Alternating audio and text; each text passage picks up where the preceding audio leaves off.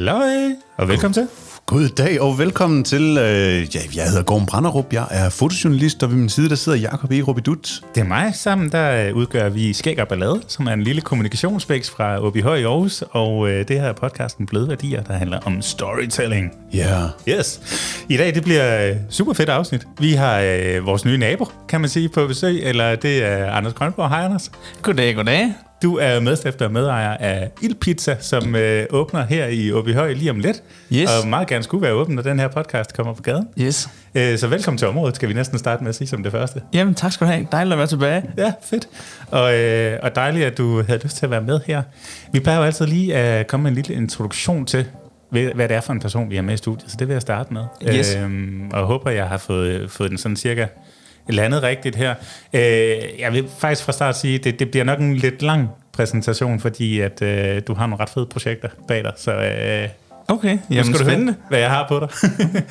altså, øh, for det første, så har du en marker, som har fulgt dig igennem dit øh, arbejdsliv, som hedder Esben. Esben Mols Kapel. Øh, og hvad jeg kunne læse mig frem til, så, øh, så kom du fra handelsskolen, eller købmandsskolen, og han kom fra gymnasiet, og øh, I var sådan lidt konkurrenter, der gik, øh, lavede events og hang plakater op ude i byen, og gik lidt og hævde hinandens plakater ned, i virkeligheden, til at begynde med, indtil I fandt ud af, at I kun, I kunne nok i virkeligheden noget sammen. Øh, og det var det her med events for gymnasier og handelsskole, det var. Og, øh, og øh, ud fra det, så blev der stiftet øh, noget, der hedder Ungferie, Mm-hmm. mm. hvor I, som er et rejseselskab for unge mennesker. Øh, og, øh, og til det, der skulle der bruges blandt andet nogle flyers, og der valgte I at begynde at trykke jeres egen flyers øh, til blandt andet Ungferie. Der var også øh, nogle diskoteker, der fandt ud af, at I, I kunne noget omkring tryk, så diskoteker gik også hen og, og, og blev kunder, og, øh, og jeg læste et interview, hvor I sagde, at øh, diskoteksbestyrer, de har øh, ofte en kæreste, der er frisør, eller øh, ejer et solcenter. Ja. Øh, så der var også noget netværk der, der begyndte at, at pible frem Præcis. af folk, der havde brug for tryk, så ja. Det er jo ikke en fordom, hvis det altid er sandt. Nej. Så det, det, Det sagde du. Mm. Øh, og og I, øh, I havde simpelthen øh, øh, noget, der hed Dansk Skoledistribution, øh, ja. hvor I øh, har nævnt, at I havde 500-600 kontaktpersoner på 200 skoler, som, hvor I simpelthen kunne få distribueret de her plakater og flyers og så videre. Ja. Og, og det, er jo, det er jo noget et, et, vigtigt, kan man sige, at kunne nå ud til så mange i den aldersgruppe. Øhm, det ledte til, at I, øh, I øh, leasede en farvekopimaskine, så I kunne sælge farvekopier for 3 kroner, øh, frem for nede ved Vesterkopi, hvor de altså kostede en 10 stykker. Mm. Og på den måde, så kunne I dække leasingen af den her farvekopimaskine, og, og kunne få hurtigt, både hurtigt og billigt få trykt nogle flyers til de her kunder, der viste sig på banen. Og i 1999, så øh, er det er nok det, du er mest kendt for i virkeligheden. PT, det er Lasertryk AS, der så sin spæde start. ja. Yes, hjemme i Esbens lejlighed, nede på Kystvejen Yes. her i Aarhus. Øh, måtte med tiden flytte ned i Fredensgade, øh, da der kom ansatte til i et lokal på 150 kvadratmeter dernede. 2002 rykkede videre til Nørrebrogade, hvor I var omkring 30 mand, og det nye her var, at det så var i stueplan, fordi det var lidt nemmere, når man skulle have de her store mængder af papir ind og ud, Ja, det er smart, ikke? Ja, stueplan, det er lidt nemmere at finde ud af, ja. at man ikke skulle slæve det op og ned ad trapper. Ja. Og det er også her, jeg gik ud og købte, hvad kan man sige, den første trykmaskine til en værdi af en million kroner. Øhm, hvor I kunne lave digital tryk. Øh, det, der hedder offset-tryk, det var stadig på det tidspunkt noget, I fik lavet ude i byen. Øh, så opstår der den her idé, der hedder puljetryk. Mm. Øhm, som er, at hvis kunden nu kunne vente og, øh, og samle sit oplag øh, øh til på, øh, hvad kan man sige, vente til arket med tryk blev fyldt, øh, så kunne de få øh, den her pulje øh, leveret til en bedre pris, men øh, der var så lidt længere leveringstid på. Så store oplag til en lav pris, og det var, det var et kæmpe hit, så vidt jeg har kunne læse mig frem til. Øhm, og i 2005, der flytter I så til Skyby. Øh, der er I nået op på et niveau, hvor der er kommet et mellemlederlag til, og, øh, og der er voldsom vækst, og, og faktisk sådan, at I også har været ude at sige, at I på et tidspunkt var bagud med at træne jeres medarbejdere, fordi det gik, mm. simpelthen gik så hurtigt. Ja. Øh, I er også nogle af de første i Danmark, som skilter med øh, priserne på jeres tryksager. Altså, ja. Det koster helt konkret det at forlade det, ikke? Jo. Og, øh, og jeg har været ude at sige, at, at omkring 300 trykkerier i Danmark, der er under, under 10, de har faktisk generelt priser for det, de laver, ellers er det noget med, at man skal ringe op og få et tilbud og, og, og så videre. Ja, på det tidspunkt i hvert fald. På det tidspunkt, ja. ja. Øhm, og, og så videre, og så videre. Øh, IT begynder at fylde rigtig meget, at øh, øh, I, er en, I er lige så meget en IT-virksomhed øh, som et trykkeri. I har faktisk 6-7 mand i en IT-afdeling, og det er rigtig mange for et trykkeri på Ja. det her tidspunkt. Så Ja. I begynder at kunne bruge det, som teknologien kan levere til at øh, levere både bedre og billigere, at det simpelthen bliver en konkurrenceparameter. Ja. Senere begynder jeg også at sælge tryksager i eget navn. Blandt andet er det, der hedder photoshop.dk. Øh, I har også et stykke software, der hedder Brand Central, til at Ja. ja. man kan samle sin markedsføring. Og øh, ja, tiden går. Ekstratryk.dk, lige pludselig Skandinaviens største, 500 ansatte, årlig omsætning 500 millioner. Øh, overskud 19 år i træk, Ja. og, øh, og et investeringsselskab bag med en egenkapital på over 450 millioner. Ja. Øhm, flotte resultater, 8 dobbelt gazellevirksomhed og så videre. Jeg ved ikke, om der er kommet flere gazelledyr Ja, der kommer også en i år, tyder det på, ja. Okay, super. Så, ja.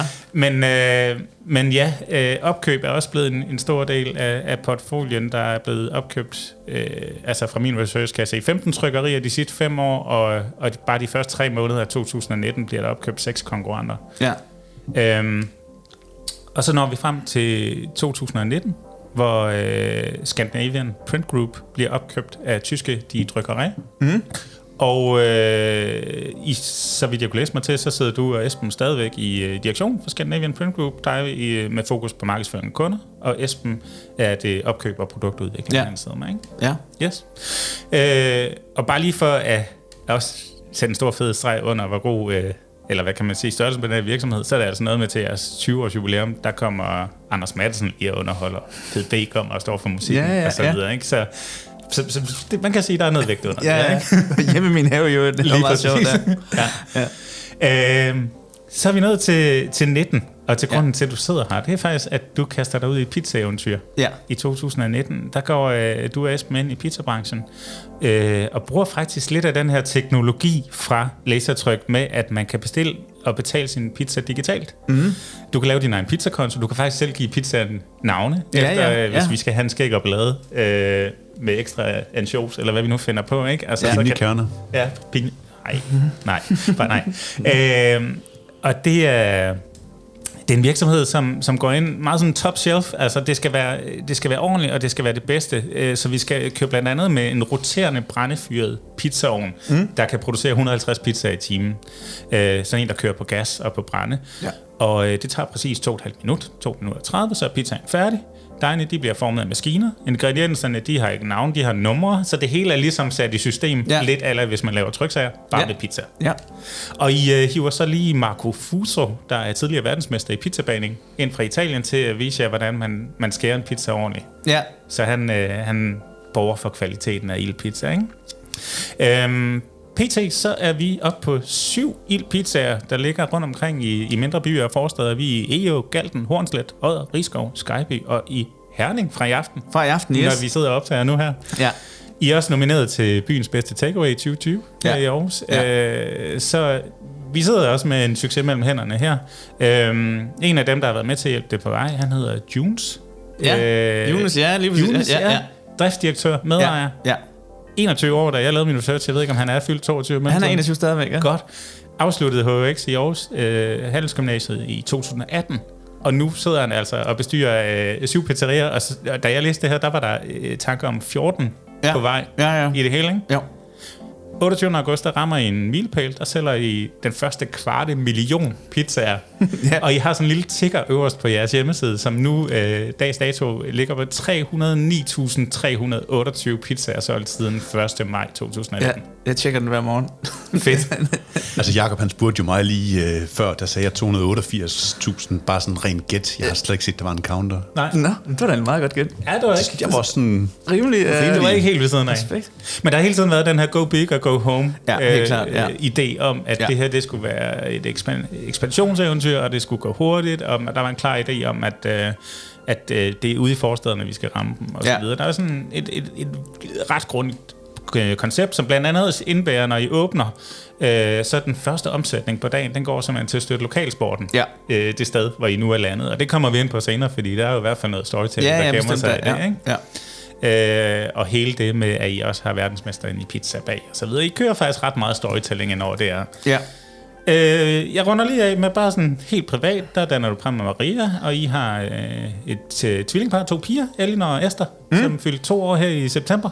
Ja, ja. Og I har måske byens bedste udsigt. Øh, jeg er lige rykket fra, at jeg bor i det, det hvide hus nede øh, ved Marselisbugten, til I har faktisk har købt det, man kalder Lille Marselis, eller Ydernæs, Ja. som, øh, som er, til dem, der ikke kender det, et meget, meget flot hus, der ligger med flot udsigt ud over Aarhusbugten dernede. Ja. Øh, du kan godt lide biler, blandt andet Maserati. Du har en man cave, der er dedikeret til hiphop-kultur Ja, og så er videre. rigtigt, ja. Øh, da du fyldte 40, så røg 16 af de nærmeste venner med på en 10-dages cruise, og øh, når Classic Car Race får alle dine naboer dernede til ligesom at, at holde sig for ørerne og søge væk på kroophold, så gør du det, at du inviterer hjemmerne, øh, vennerne hjem i baghaven og sætter Ja. tribuner op. Øh, og øh, det sidste, jeg blev mærke i, før vi går i gang, det er, at når man modtager en mail fra dig, så står der, have en smykdag. Og smyk som i CMYK, og folk, Ja. der ved, hvad et trykkeri går ud på, de kan godt fange den lille reference her. Ja. Så der er ret mange fede historier at tage fat i her. Ja. Ja. Kan, du, kan du genkende dig selv i det? Har, Ja, men meget imponeret faktisk. Det var vildt så meget, du har undersøgt. Godt, Godt. Ja. Yes, så er vi i gang. Jeg, jeg skal lige trække vejret. Vi tager sgu lige øh, et stykke med Aarhus, tror jeg.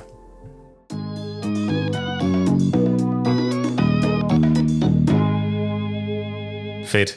Jamen, øh, nu har vi ligesom fået etableret, hvem Anders Grønborg er Yes. for vores lytter. Øh, det her er en podcast, der handler om storytelling. Ja. Så vi plejer altid faktisk lige for at, at kridte øh, hjørneflagene op, at høre, hvis jeg sådan slynger det her ord storytelling i hovedet på dig, Anders, hvad, hvad er det så?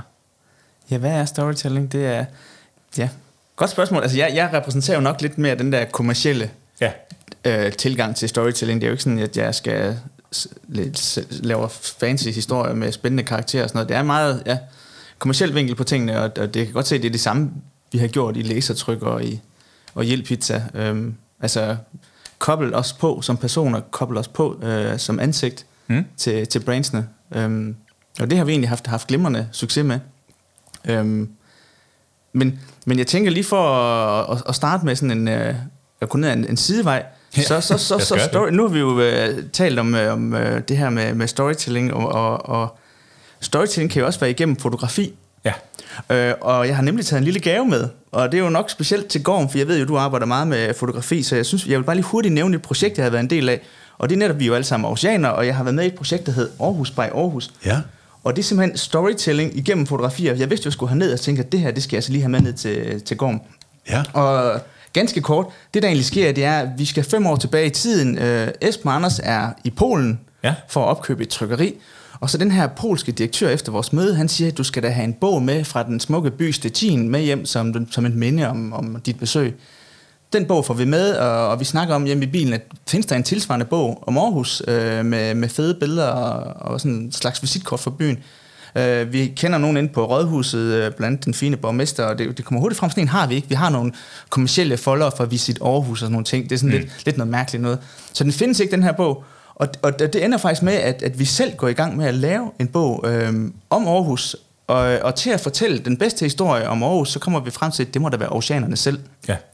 Så, øh, så det vi gør, det er, at vi finder ud af, at den skal fortælles gennem fotografier, og den skal fortælles af oceanerne selv. Så vi starter simpelthen sådan en, øh, sådan en slags crowdfunding-kampagne på, på Instagram, hvor vi beder byens borgere om at sælge fotosendt, og vi får 7.300 fotosendt. Øh, vi allierer os med Aarhus Stiftstid, nogle af deres fotografer derinde, øh, og øh, blandt os også, også ham ukendt Aarhus og sådan nogle forskellige profiler. Så. Ja. Øh, og og de, de, de udgør en jury, som udvælger de fedeste af billederne. Øh, og, og lang historie kort, jamen det ender så med, at, at vi får samlet 411 unikke billeder, taget alle sammen af forskellige oceaner, som vi så har trykt.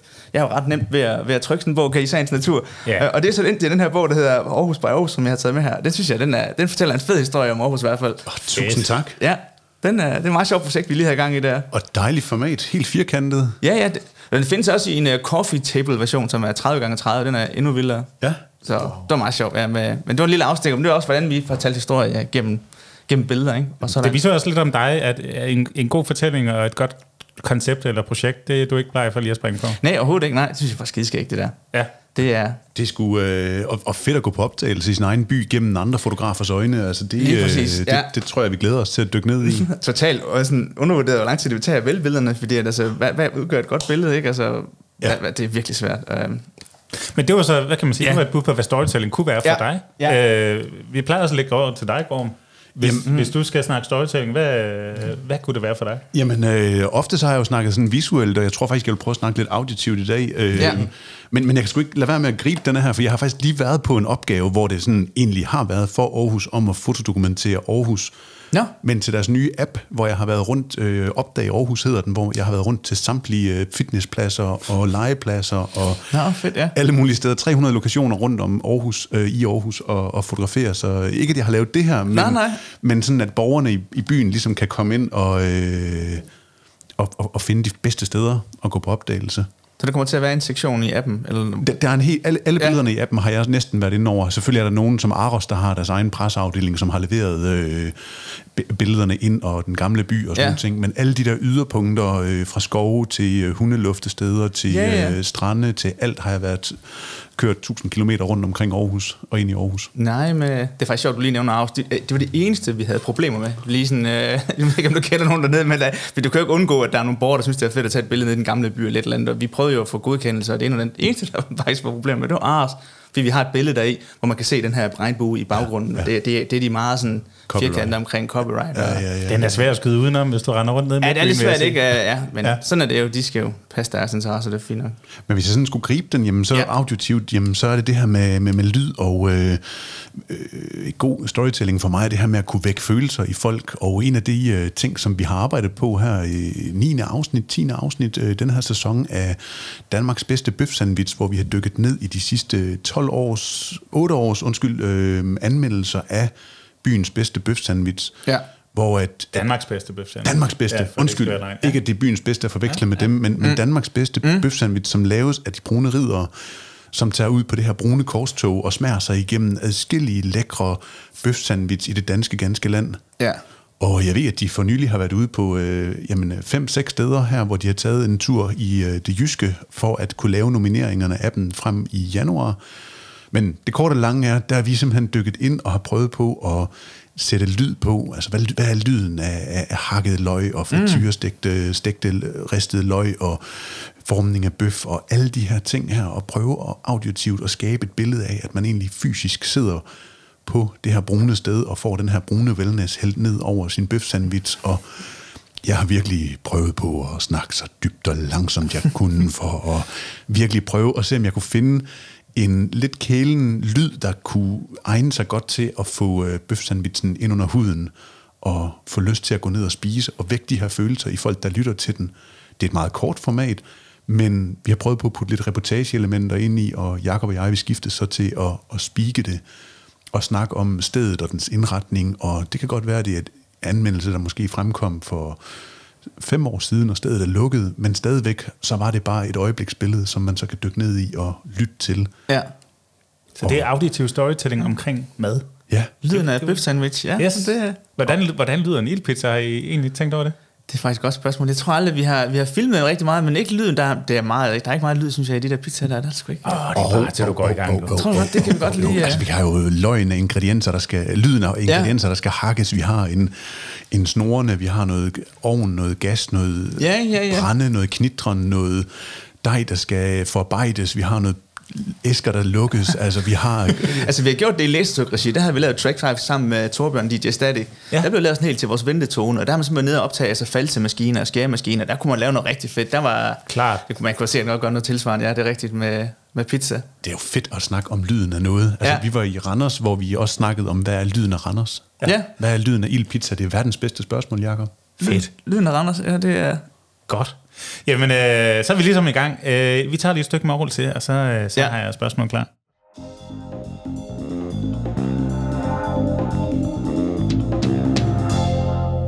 For du nævnte det faktisk selv, da du snakkede storytelling, sådan, at, øh, at nu er du meget salg og markedsføring, mm. og mhm. det, det er der, dine forser er. Ikke? Mm. Så jeg kunne ikke godt tænke mig bare at stille sådan helt det åbne spørgsmål. Skal der en god historie til for at sælge et produkt? Ja, ikke nødvendigvis. Så er det bare meget pris. Ja. Så er det pris, pris, pris. Ja. Det, og det, det kan man også godt, men det kommer an på, hvor du vil ligge derhen. Og det bedste er vel også, hvis du kan kombinere de to. Altså have en, et skarpt, sådan et skarpt prispunkt, samtidig med, at uh, der er en historie bag. Ja. Øhm, altså, i hvert fald i læsetryk-regi, den, den, har været, den er meget mere prisfokuseret end en lille pizza-ting. Øhm, et læsetryk, der har vi hele tiden vidst, at at dem, der er billigere end os, det er det, der hedder discount-trykkerier, som er primært online-trykkerier, mm. som er helt uden, altså de er helt uden historie. Det er, du skal ind og svinge dankort, og putte din produkt i en kurv, og der har vi vidst, at hvis vi skal slå dem, så vi helst kunne følge med på prisen, men vi skal simpelthen også have koblet nogle ansigter på, øh, noget historie omkring det. Det er derfor, vi har brugt mig og Esben rigtig meget i, i vores historie, sådan skabe mm. noget tryghed omkring det her bestille en tryksag. Det, det, der er heldigt i forhold til, til lasertryk, det er jo, at at bestille en tryksag, det er jo en specialfremstillet vare, mm. så kunden er som udgangspunkt lidt nervøs. Ja. Og det kan vi jo godt lide, så, så skaber man jo tryghed ved at skrive, at du kan altid ringe til Charlotte her, hans direkte telefonnummer og sådan noget, og det, og det, det, det gør, det gør altså, tror jeg, at, altså, i hvert fald en af de ting, som folk godt kan lide ved. Og ja. det gør det sværere at køre ren discount-trykkerier, som, ja. som de hedder. Men det er jo en god fortælling, at du har et ansigt og et telefon, direkte ja. telefonnummer, hver gang du bare bestiller nærmest et visitkort og, ja. og så videre. Ikke? Altså. Jeg fatter ikke, alle ikke gør det. Det er da helt mærkeligt. Det er da ikke... Uh, det er da helt oplagt, og det er da ikke dyre. Altså, det, det tager jo ikke længere tid at ekspedere kunder, de kan ringe direkte. Det er, det, det, det, det begriber jeg ikke den dag i dag. Det er, jeg har lige været igennem et større forløb. Det var heldigvis ikke mig, men, men bekendt ud på, på Skype sygehus også. Altså, hvordan, det er sådan, altså det er sådan helt, der er helt tydeligvis nok bemanding. Mm. Der er nok sygeplejersker på afdelingen, men man får bare nye hver gang.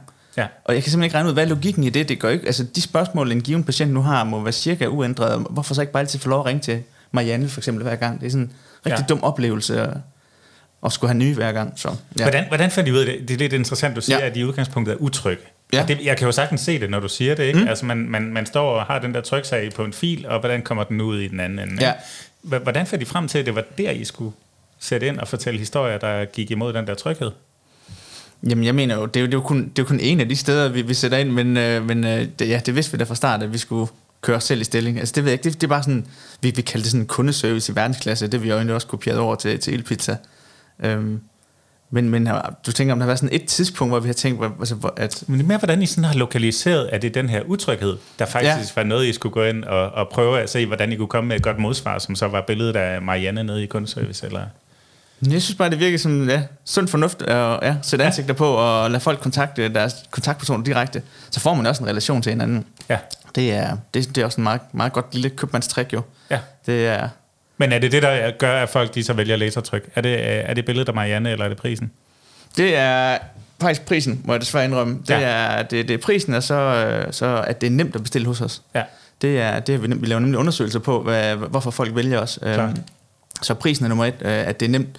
Øh, leveringstiden kommer også ind, men, men det er sjovt noget med, at det er nemt, altså convenience er en ret stor ting, øh, mm. og sådan, det ved man jo også fra sig selv, ikke? at øh, simpelthen at, at kvaliteten kommer efter, øh, hvor hurtigt vi producerer. Okay. Så, ja. Det er man mere villig til at gå på kompromis ja, ja, ja. Bare man kan få det i hånden hurtigt. Hurtigt og, og, og, og nemt. Ja. Men når vi så snakker ja. ildpizza, og, ja. og jeg kunne godt tænke mig, at det var det, det sådan primært kom til at handle ja, ja, om. Det er trods alt vores nye nabo. Det er også det, jeg arbejder mest med. Ja. Fedt. Men, men der siger du, der fylder historien noget mere. Ja, det gør det. Det er, jo, altså, vi, vi, vi fik jo den her idé, at vi skulle til at sælge pizzaer og Ja, altså der er ingen af os, der er det, der hedder pizzaiolos, så vi har jo ikke den her store bageruddannelse og masser af erfaring med at lave pizza. Vi, kunne begge to, vi har begge to lavet masser af pizza privat, altså Esben og, og Anders her, og vi vidste ikke... Um, men, men vi vidste, at nu går vi altså ud på, på dybt vand. Ja. Um, så vi, så vi allierede os med nogle folk, der kunne hjælpe os med de her ting. Ja. Øhm, og, og, og det har vi været meget, meget, vi har været meget ærlige omkring i vores kommunikation, fordi der, vi går ind i et marked, og jo, det er jo et helt andet marked, fordi nu er vi ude og snakke med forbrugere, altså private. B2C, hvor ja, i 20 år har vi lavet B2B. Altså, ja. det er sådan en helt anden, helt anden type forretning, og man skal ikke fuck for meget med folks aftensmad og sådan nogle ting. Har fundet, at det, altså, det er, ja, det er farligt. Nej, det er godt. Så, så det vi gjorde, det var, at øh, vi skulle først finde ud af selve produktet. Altså, hvem kan hjælpe os med det her? Der finder vi så frem til ham her, Marco Fuso, ja. som, øh, som er verdensmester i, i pizzabaning åbenbart, og har en, øh, har en konsulentvirksomhed i London, og ham kontaktet vi, han har været over forskellige gange. Og skidegod på kamera og billeder, skulle jeg ja, ja, ja, sige. Han er jo ægte... Nå, fed altså, fyr, rigtig italiener. Ja, ja, fuldstændig. og han, altså, han er super nørdet. Øh, nu ved jeg selv, at vi, nu, vi, vi tidligere, inden vi startede, snakkede nørderi inden for kaffe. Altså nørderi inden for pizzabane, det der, det er altså ikke bare for sjov. Nej. Altså, han, han har været over mange gange efterhånden, og han bor altid hjemme ved mig, og han er nærmest blevet sådan en ven af familien. Ja. Men altså, når han går i gang ude i sådan en køkken, altså, jeg glemmer det aldrig, det var sådan noget med, at vi skulle stå for det første siger han, at please understand, uh, making pizza is like making love to a woman. Så det første, vi skulle, sådan, alle, alle telefoner skulle ud af rummet, og så skal man bare stå fuldstændig dedikeret, og så går han så i gang med at fortælle om det her, og, og man kan måske lidt kynisk sige, at det er lidt gær, lidt mel og så lidt vand, og så er det mm. bare, så er vi, så er vi flyvende, ikke? Og, øh, men, men sådan er det overhovedet ikke. Altså den måde, han nørder den opskrift, det er jo helt åndssvagt, og så står han sådan og måler frem, at en tredjedel af mel skal i på minut nummer 8, og så, samtidig med, at det bliver rørt, og så på minut, minut nummer 9 sker der det der, det der, og, og, og så meget hævetid, hvor meget, hvordan de må blive rørt rundt. Og i øvrigt så varierer opskriften også efter temperaturen udenfor. Okay. Helt åndssvagt. Så hver tredje måned skal vi ind og justere opskriften efter luftfugtigheden udenfor. Det er sådan en helt gang, gang ting. Det er sådan helt...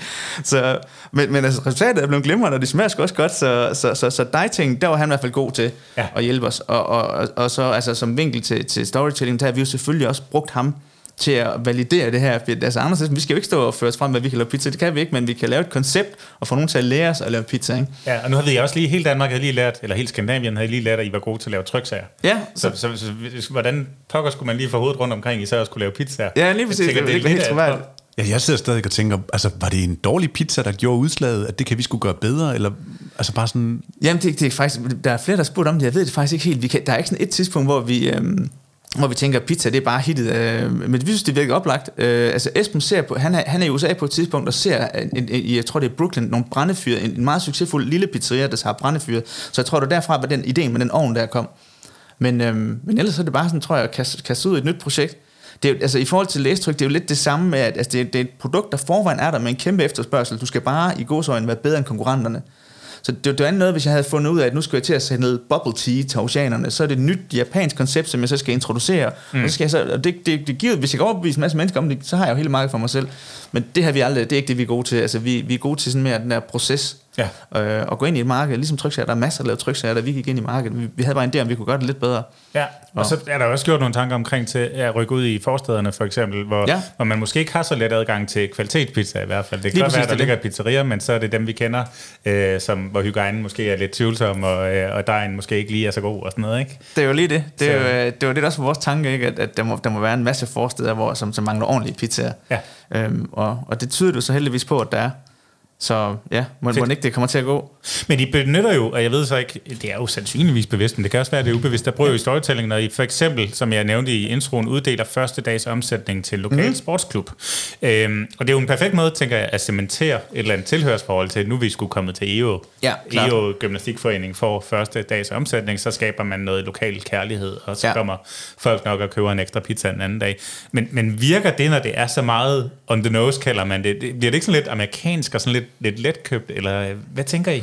Jo, men den er, det er virkelig en balancegang, og hvor meget, hvor, hvor meget vil du gerne være en kæde, hvor meget gang vil du gerne være det lokale pizzeria? Vi, vi prøver at lave sådan en kombination af det. Altså, det er jo helt åbenlyst, vi er en kæde, det står alt på hjemmesiden og sådan noget, men omvendt gør vi virkelig også meget af det lokale, for det giver rigtig meget, øhm, og det, det er ikke, ikke fordi vi er nogle flinke folk, men det giver bare rigtig god mening, også forretningsmæssigt. Ja. Vi har, altså vi, på en, en normal pizzeria har måske 30 medarbejdere, som alle sammen for eksempel kunne være for Hornslet, ikke? Ja. Øhm, det giver rigtig meget. Øh, og så støtter man så den lokale sportsklub, Ja. Det er også, øh, ja, for at få opbakning, for at virke lokalt. Vi, vi er jo ikke de eneste, der har fundet på det. Du kan se, OK Benzin gør det også, og der er flere af de der spillere, der gør det. Og, ja, det er, er det blevet sådan en, øh, det er det, man gør i dag? Er det, er det blevet en, et dogme, når man åbner virksomhed? Nej, det ved jeg ikke, men det er sådan lidt antikæde, og vi går jo alle sammen og venter på, at øh, Amazon kommer og overtager det hele, og sådan noget, så det, det, det er sådan nogle greb, man kan gøre for at virke lidt mere lokalt og aktuelt og relevant. Det er jo simpelthen at prøve at støtte der, ja. hvor du ligesom opererer. Men nu har vi Marco, der er rendyrket storytelling. Altså, ja. jeg, jeg elsker ham allerede lidt. Ja, ja. Bare det, du har fortalt. Ikke? Ja. Og, og, vi har idrætsforeninger. Sådan, er der andre steder i forhold til Ildpizza, hvor du sådan, øh, tænker, der har I arbejdet med, med historiefortælling i det? Jeg, jeg vil gerne lige selv kaste en ind. Altså, ja. Man kan jo købe, man kan vælge alle ingredienser på jeres hjemmeside. Man kan også vælge ananas. Den er desværre bare altid udsolgt. Ja, Ja. ja, ananas, den, er, den skaber hele tiden debat, at den altid er udsolgt. Den er, der, der er lidt, selvfølgelig lidt storytelling i den, kan man godt sige. Det, og det er, det er jo ja, det er jo sådan lidt en sviner, kan man sige, til, til nogle af de eksisterende pizzerier, fordi det er sådan helt klassisk, at, dårlige pizzaer har ananas, synes jeg. Nu er jeg ude for dybt, man ved jeg godt, det er meget subjektivt, men, men ja. Men du viser noget karakter i det valg. Ja, ja, det er, altså. ja, klart, ja. Er, er der andre sådan historier? Nu var det bare lige for at bringe Ja, altså, jeg, jeg, for eksempel ved jeg, vores pizzaovn har vi haft bøvl med, og, og, og den har vi prøvet at kommunikere, hvor speciel og unik den er. Øhm, og, og vi har gået sådan lidt tilbage i kommunikationen øhm, og, og bare kaldt den en stenovn. Det, det viser sig, det, det kan folk godt forstå. De ved, en, en fin pizzaovn er en stenovn. Og det, der er min udfordring, det er bare sådan, at vores pizzaovn er så meget mere end en stenovn. Klar. Du det er det, der hedder brænde- og gasfyret. Det er simpelthen den, den værste kombination, du kan lave i forhold til myndigheder og godkendelser. Altså, du skal jo have separat godkendelse til gastingen og til ildtingen. Ah, så der er mange steder, mange, mange øh, mange legemål kan vi slet ikke få adgang til. Du kan slet ikke lave de der skorsten. Det er sådan en helt gagag tilladelse, vi skal have for at ja. lave den der så, så det er dyrt, dumt og besværligt. Og, og det, men det er rigtig svært at kommunikere det, og folk, folk forstår det ikke helt. Så vi bare vendt, vendt tilbage til at sige, sådan, det er sådan lidt en brændefyret gasovn, som folk sådan... ikke, altså, men ja, det er, altså, det er altså mere end bare den her klassiske stenovn. Det er et tilfælde af overkommunikation. Ja, det- ja, lige at man præcis, lige ja. må skalere ned. Ja, det er Okay. faktisk over, det er en god måde at sige det på. Ja, det skal man passe på med. Wow. Men man kan sige, I kan jo ikke rigtig gå ind med en stenovn, når I har valgt at kalde jer ildpizza. Så har I ligesom lagt jer fast på, at, øh, at der skal fyres med ild. Ja, det er helt op, der skal fyres. Ja, men, men stenovn, det er mere, hvad for en type ovn det er. Altså, den, den, den faktisk siger, næsten 90 procent, sidst vi selv var gjort op, det er jo elektriske ovne. Ja. Ja. Det er, det er de værste, sy- sy- synes jeg. Den, ja. Men øhm, det er jo sådan, som man lige... Øh, Men en stenovn, der tænker man jo også på noget, der kan holde på varmen, og en Ja. masseovn, og, og virkelig på den måde kan, kan efterlade og efterbrænde, og altså give en sprød skorpe og sådan nogle ting. Ja. Men den ovn, I har, jo super højteknologisk, og det er jo øh, en oplevelse bare at gå ind og så se, hvordan den kører rundt derinde. Præcis, ja. Men, og, men, og det, er jo det, er jo det hele den der brændefyrede del. Folk de, synes slet ikke, de fatter, hvor vanvittigt det er, det er brændefyret. Det er mega bøvlet at stå på det der brænde ind hele tiden og sådan noget, men det giver jo den gode smag, men jeg tror ikke, folk lægger sådan rigtig mærke til det. Men ja, det er jo en del af vores koncept nu, så det, og det har vi heller ikke tænkt os at lave om. Det skal jo være sådan, det skal være højst, højeste hylde. Ja. Så Tror jeg, det kommer til at påvirke øh, altså, jeres konkurrenter, at I går ind og... Jamen, det kan vi allerede se, det. har gjort. Der er faktisk flere, der introduceret det her, altså italienske pizzaer, altså på, på regulære klassiske pizzerier, så er, Ja. de, så er de gået ind og så indført sådan en sektion med italienske pizzaer med nogle andre råvarer. Ja. Det kunne fx være det her med parma-skinke, Jo, jo. og i stedet for deres normale skinke og sådan noget. Og det synes jeg, det er jo fint, hvis vi kan være med til at højne det. Ja, Det er sådan en irriterende Apple-agtig ting, ikke? Altså, så går de ind og introducerer et eller andet nyt koncept, så, øh, og så bliver det bare en ny markedsstandard. Så, Ja. så bliver de andre ligesom nødt til at løbe efter den, ikke? Ja, men jeg synes, det gør mig da ikke så meget. Det synes jeg er fint, hvis, hvis vi alle sammen får bedre pizza. Det er jo et uendeligt stort marked. Det, Ja. er, det er ok. Det er ingen problemer i det. Fedt. Hvis vi nu lige tager en tur Ja. op i helikopteren over Ja. Ildpizza, øh, hvad så for dig en god fortælling, når det kommer til salg og markedsføring? Har du sådan nogle eksempler på, hvor du, øh, hvor du tænker, her har storytelling skulle være med til at hjælpe det her salg rigtig godt på vej? En god fortælling, ja, det er sgu et godt spørgsmål. Øhm, jeg ved i hvert fald, ham, øh, ham der hedder Tony Hirsch, fra, som har Sabos.com, ham synes jeg, han, ham har jeg fulgt meget. Jeg har også været og besøge hans virksomhed i, i Las Vegas. Men det, det er simpelthen en, en skoforretning, hvor han simpelthen har, han er excelleret i kundeservice, og er udgivet flere bøger om det, og man kan besøge, hvordan han, han har sin medarbejderpleje. Men det er sådan helt legendarisk i et helt random, ligegyldigt, gåsøjne, ligegyldigt skotøjs webshop, øh, som jo er blevet købt af Amazon efter, efterfølgende. Men, øhm, men det har han simpelthen bare været, han har været sindssygt god til at, for det første at, at, at lave god kundeservice over for kunderne, og internt over for sådan noget HR, altså hvordan de hygger sig på deres kontor, og har hunden med på arbejde, og Altså der er sådan, han har lavet en, en bog, og der er simpelthen så mange fede eksempler på, hvordan de bare har en fed kultur. Ja. Han er sådan en, der har været rigtig god til at, at bruge sig selv i deres markedsføring. Ja. Så han er, han er et eksempel på, at, Han at man være bruger en, sig ja. selv i, som, som fortælling. Altså Ja. lidt ligesom du, du nævner i flæng Esben Anders, det hænger bare sammen, ikke? Altså, Ja, det gør det, det er, ja. det, det, Lars det, Larsen har også altid brugt så meget af sig selv, og jeg ved ikke, der, der er mange, der bruger altså, deres ansigt i, i historiefortælling, ikke? ja. Ja. Jeg tror ikke, man skulle komme til Lars Larsen og sige, at han laver storytelling. Jeg tror bare, han ville have sagt, at, øh, at han er jo bare sig selv, ikke? Han er jo bare købmand, altså. Ja. Men, men I, I ser mere på det som storytelling, når I bruger jer selv? ja, det tror jeg, det er, ja, det tror jeg. Hvem, øh, hvem hjælper jer med at identificere de her historier? Det er, jamen det er ikke nogen, der gør det. Det, det er mig, der står for al vores skriftlige kommunikation, al vores tekster og sådan noget. Det er noget, jeg sidder og laver. Så ja, der er ikke nogen øh, strategi eller nogen kommunikationsprogram. Men det kan godt være, der skulle være den skønne dag. Det ved man ikke. Men er det bevidst? Er det fordi, du tænker, jeg kender min virksomhed bedst? Det er det mig, der skal Nej. gøre det, eller?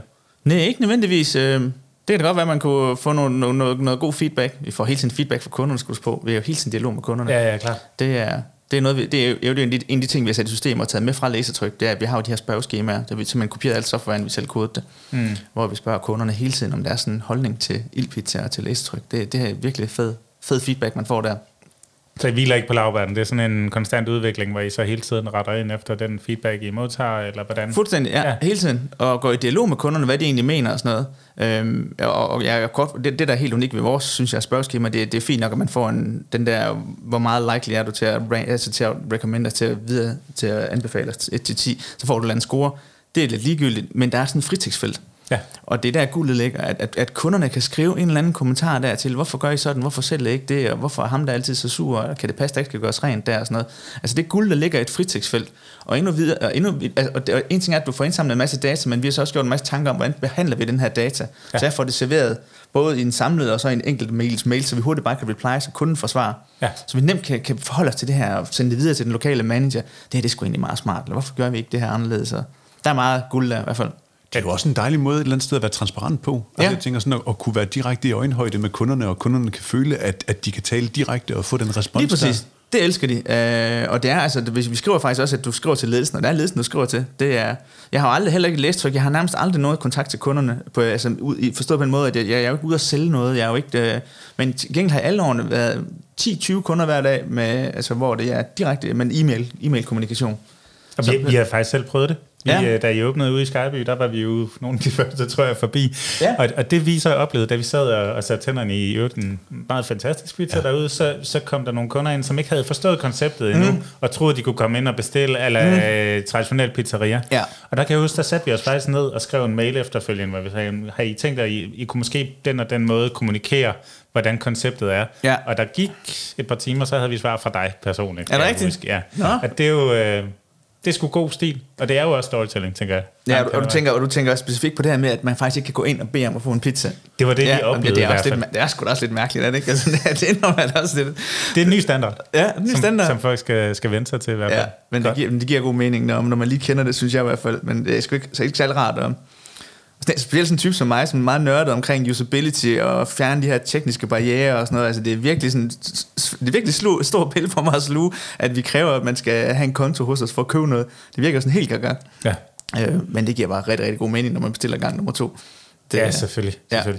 Så det kræver, at der kommer en gang nummer to, ikke? Men altså, det, det må jo alt det første en... salg så bare i retning af, ikke? Ja, og vi, og vi har prøvet alle de øvrigt også. Altså, jeg, jeg har prøvet med sådan nogle kuponer, man kunne udfylde, du ved, hvor man hurtigt bare lige kunne af, krydse af, ligesom nede på Jensens Bøfhus eller Bone, tror jeg der.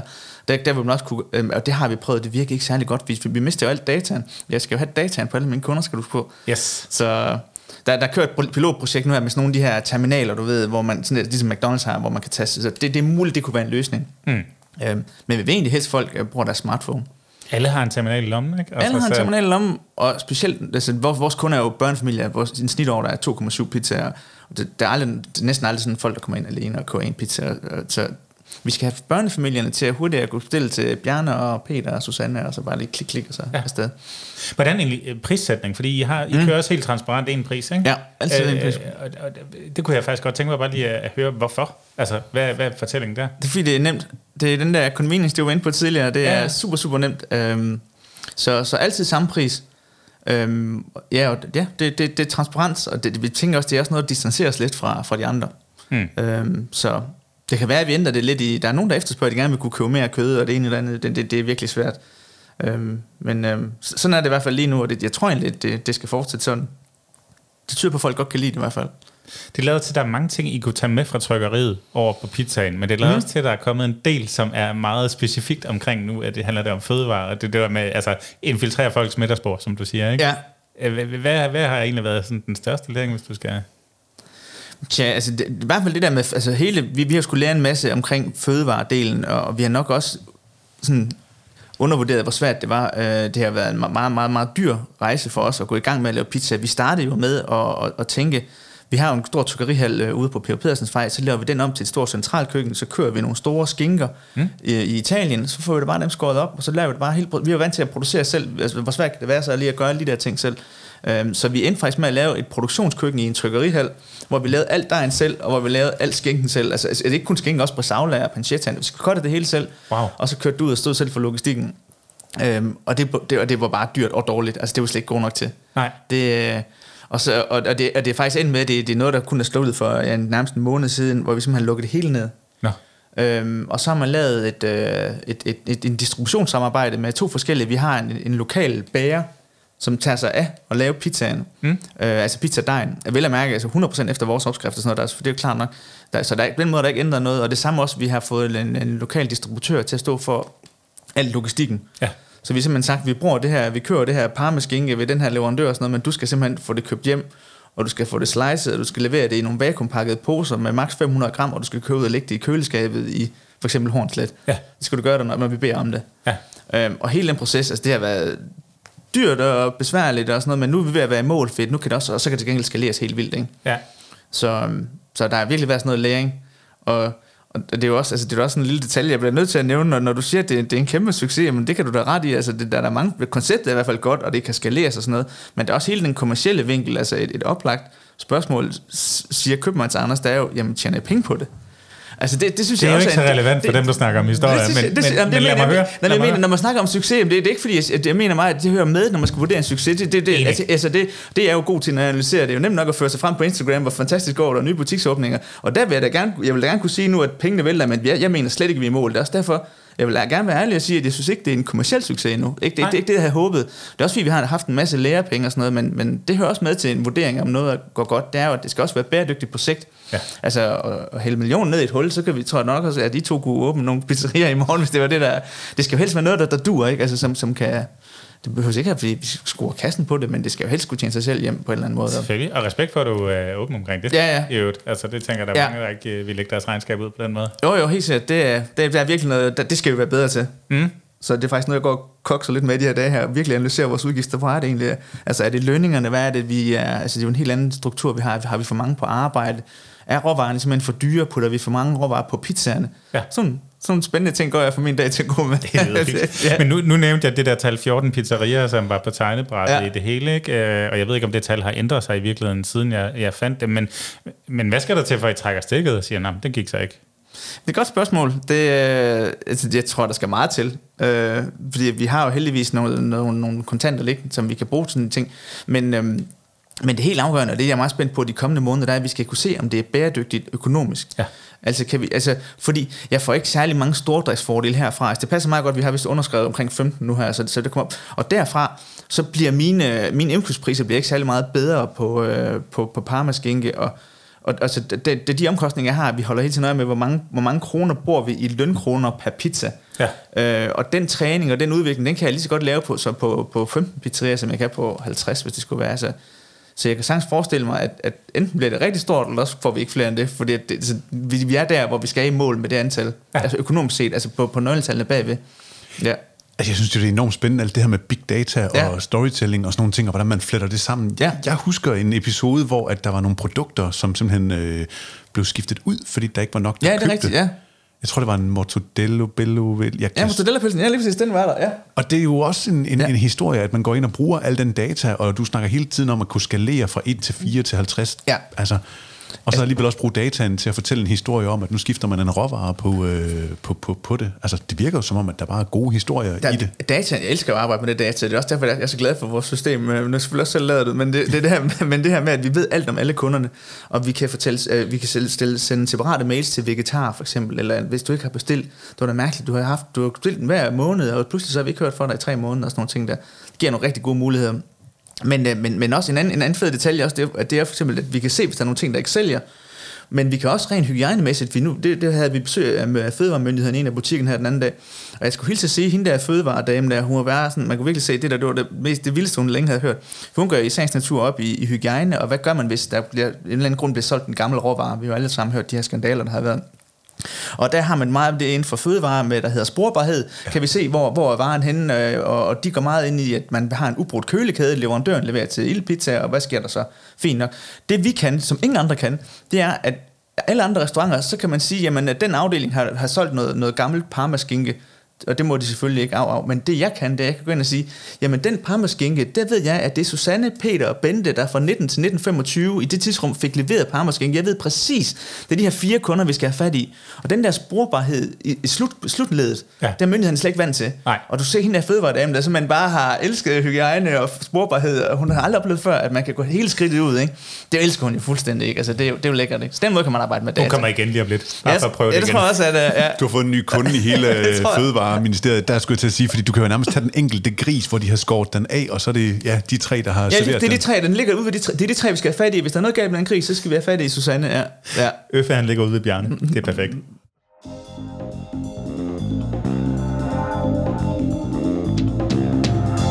For der er også en anden historie, vi lige, øh, den snakkede vi også om i introen, og, mm. og, og han hedder Junes og er 21 år, og på, forleden på øh, Facebook, der skrev han, at nu var det 9. gang, han var blevet stoppet af politiet, fordi han kørte rundt i Esbens gamle Mercedes. Ja, præcis, ja. Lidt atypisk butiksbestyr. I har, I har valgt det her, altså der er jo en skidegod historie der, men, men hvad, hvad, hvad bunder den i?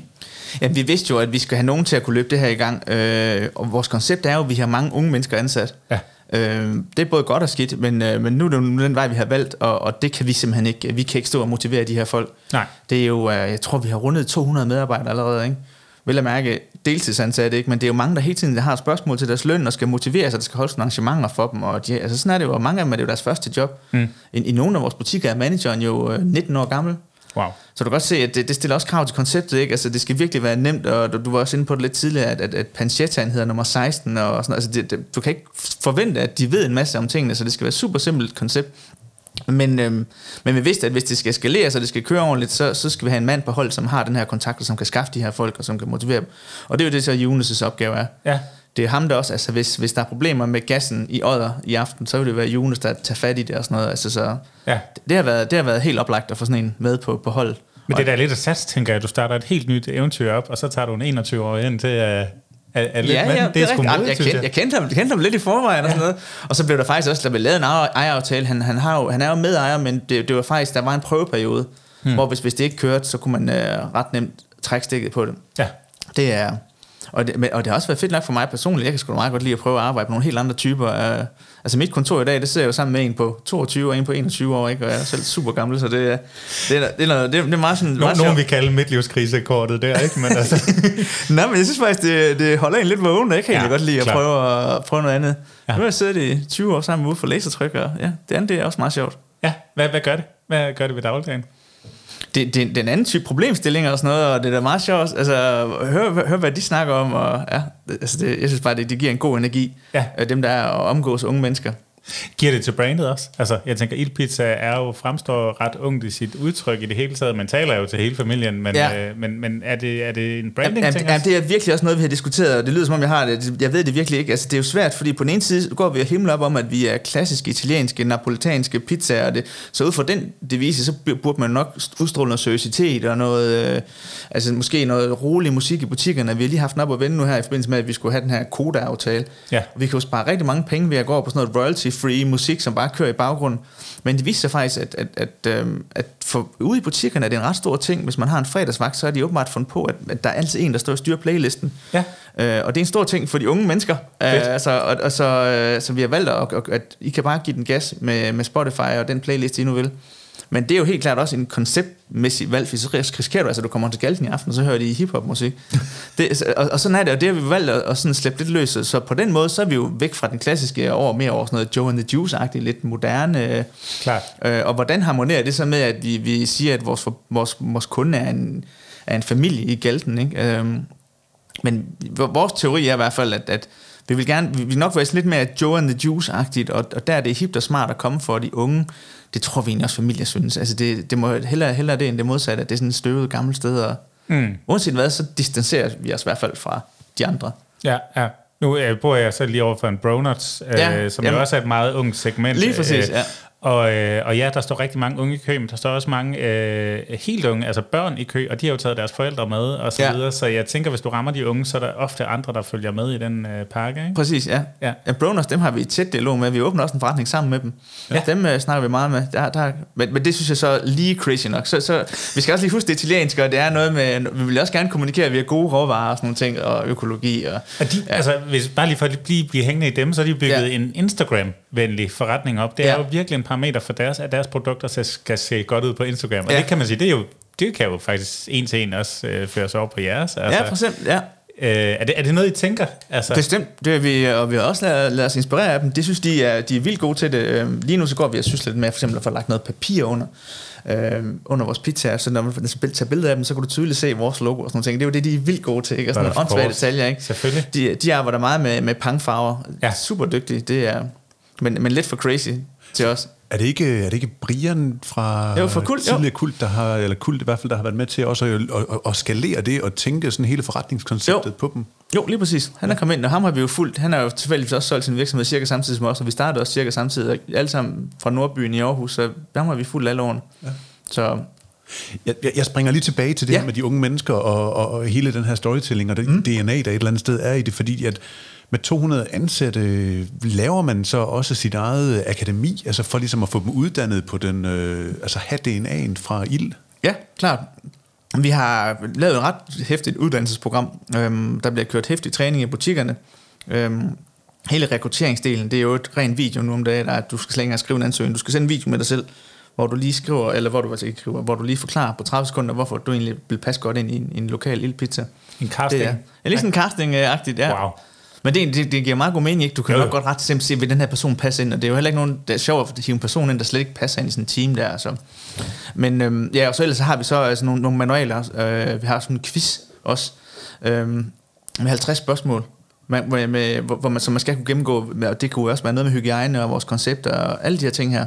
Så ja, der er rigtig, rigtig meget akademi-ting i det. Det, det har de alle sammen. Og vi har jo smugkigget lidt. Vi har jo venner, der arbejder på McDonald's og sådan noget, så vi har jo smugkigget, hvordan de gør det. De er vildt seje til det. McDonald's er klart de sejeste, jeg har set til det. Jeg skulle Ja. ja. lige sige det, fordi jeg kunne genkende noget af det. Jeg har en god ven, der, som har gjort sådan, øh, Ja. ja. som en lang karriere inde i McDonald's. Ikke? Og Ja. det var lige til, at de sådan skulle øh, kunne tage noget salat op i hånden, så kunne de sådan vægt i hånden, hvor mange gram salat var der Præcis, her. Ikke? ja, Og, sådan ja. noget. og det kørte de quizzer på med præmier og så videre. Ikke? Ja, ja, du får sådan en nål, hvis du må operere op på frityren, så har du sådan en nål på skulderen, og du kan, du kan se på medarbejderne, hvad de må og ikke må, og de er virkelig gode til at... Og det lyder latterligt, men det, det er virkelig sådan en seriøs ting. Altså, de, de, de, de gør det ikke latterligt. Altså, de, de, det er en fed ting at blive god til alle de der ting. Altså, de er gode til at motivere folk. Det Og konkurrenceparameter i det er vel også sjovt til at holde hinanden skarpe, ikke? Jo. Altså, at man ligesom kan, kan binde noget, eller kan jo, jo, jo, jo. Og, quizze sig igennem, ikke? og, Ja, der, ligger jo rigtig meget af det her i DNA. Altså, det er jo en hel historie at få dem til at tabe ind i ildpizza-historien, og få dem til at motivere os til at gøre det bedste af det bedste Lige præcis, af det bedste. ja. Altså, det er, Ambassadører, vel? ambassadør, ja. Det er præcis det, at, øh, og, og, og en god test det er at prøve at kigge på dine medarbejders sociale medier og se, om de egentlig poster. Skriver de overhovedet, hvor de arbejder hen? Kan de finde på at poste billeder fra deres arbejdsplads? Og det kan jeg se, det, det, det må jeg jo som skam indrømme, at det er jo nok noget, der lidt har ændret sig lidt ved læsetryk i kraft af størrelsen og sådan noget. Det stoppede ret hurtigt. Jeg, det skulle, der er sgu langt mellem, synes jeg, at jeg ser en medarbejder fra kundeservice skrive, at der er fantastisk dag på læsetryk, eller tjek lige, vi har fået lavkage i dag, eller et eller andet. Men, men det gør de i Ildpizza hele tiden. Altså, det, det, det er det cool sted at arbejde. Så hvis man kan holde fat i den kultur der, og det er jo også, det er jo heller ikke, altså, når man siger det her, men det er fint nok, det er en succes, men det, det, vi har jo heller ikke bevist endnu, at vi kan skalere det. Det er fint nok, at, at Jonas kan styre måske de her syv forretninger nu, men hvad så, når Jonas ikke kan styre det længere, så skal vi have en ny Jonas i Nordjylland. Ja. Det har jeg da ikke bevist endnu, at jeg kan styre det, og det kan være, at jeg var heldig første gang og sådan nogle ting, ikke? Så, så der er nogle ting. Hvornår er det en succes? Jamen, det er, at, det er at, øh, når det er en kommersiel succes. Det, det lyder lidt åndssvagt, men altså, det er lidt ligegyldigt, hvor mange butikker du har, fordi det er jo overhovedet ikke bæredygtigt, hvis der, er, hvis der ikke er økonomi i det. Nej. Og så kommer det til at stoppe igen. Så, så selvom det er sådan lidt åndssvagt at snakke om penge altid, så bliver det, det er jo altså en del af at have, altså det skal jo kunne holde, vi skal jo have noget at betale lønninger af. Mm. Så. Men, men jeg synes, at stærkt brand og en sund virksomhedskultur og sådan noget, ja, ja. ja. har vel også noget værdi. Ja, ja, bestemt da, men det ja. Kommer efter. Ja. Altså, det kræver, at virksomheden eksisterer. Øh, og, og, det- og, det kræver altså, at der er noget økonomi i den. Og så, men, men du har fuldstændig ret, det der, der er noget medarbejdertilfredshed og sådan noget, som vi jo også måler på. Alle de der ting der. Og, Var det fedt at have sådan en som dig inde, Anders? Fordi at, det, det tror jeg, vi som virksomhed også kan lære noget af. Altså, øh, os som, som sidder og har valgt at lave skæg og blade, fordi vi egentlig bare godt kunne tænke os at have et arbejde, vi hyggede os med. Ja. Ja. Ikke? Altså, Ja. men, øh, men selvfølgelig, bundlinjen, money talks. Ja, men man kan da godt hygge sig samtidig, men det er bare for at svare spørgsmål, hvad er en succes? Altså, vi bliver Ja. nødt til at have den der klamme øh, ting med, altså med om det, i hvert fald hvis det skaleres, der er jo heller ikke noget i vejen med at bare sige, så har vi, ender med at have tre pizzerier, som bare er sådan en hyggeting. Ja. Så kan det være, at der ikke er nogen grund til, at der skal være økonomi i det. Det er også en måde at gøre det på. Men det er ikke grunden til, at I går ned i Det er overhovedet ikke derfor, vi går ind i det. Nej, Nej. det, nej slet ikke. Hvad er endgame? Altså, hvornår, øh, hvornår har vi ligesom leveret? Altså, Øh. øh, nu har vi det fået defineret succesen, men hvad er målet? Ja, det er sgu, det er sgu svært at sige. Det, altså, noget, jeg, nu er det også fordi, at jeg synes, at jeg er så gammel, men det, det er, jeg, jeg, synes, det er fedt, at jeg har en fed hverdag med det. Hmm. Øh, og vi hygger os i hverdagen. Og, og, og så det, der, det er også derfor, det, det haster ikke med at få nogle andre partnere ind, eller sådan noget. Det synes jeg egentlig ikke helt... Øh, så, så man kan sagtens forestille sig, at selv hvis du når i mål med den der kommercielle succes, at, at, at så, så kører det bare videre. Mm. Det er...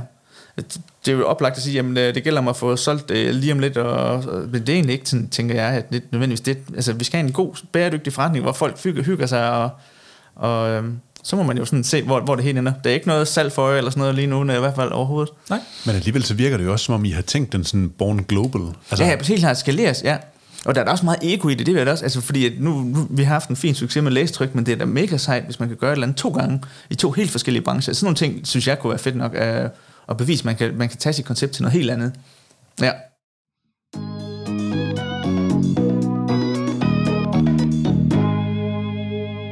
Altså nu kommer der sådan et godt øh, spørgsmål, som jeg vil have fået et ordentligt spark i røven for på, på journalisterskolen, for det er sådan en, en dobbelt ting, ikke? Men hvis Ja. vi bevæger os tilbage i, øh, i storytelling, øh, kan en god fortælling så gøre det op for et ringe produkt, og omvendt kan et super produkt leve uden en god fortælling? Ja, det er jo et godt spørgsmål. Øh, Tak. Ja, ja. Øh, jeg, jeg så jo så lige, at øh, jeg, jeg, jeg forberedt mig lidt, og der så jeg nemlig en, øh, der, var, der er sådan en uh, TED-talk omkring storytelling, og der, der er faktisk en gut, der køber 100 helt ligegyldige random produkter til omkring 1 dollar Yes. på eBay. Og det, og, og det, jeg ved ikke, om du ser det samme, men det, det, der kan han simpelthen så ind og, og få nogle forfatter til at tilknytte en historie til hver af de her fuldstændig ligegyldige produkter. Og pointen er simpelthen her, ved at tage et helt ligegyldigt produkt, men koble en historie til.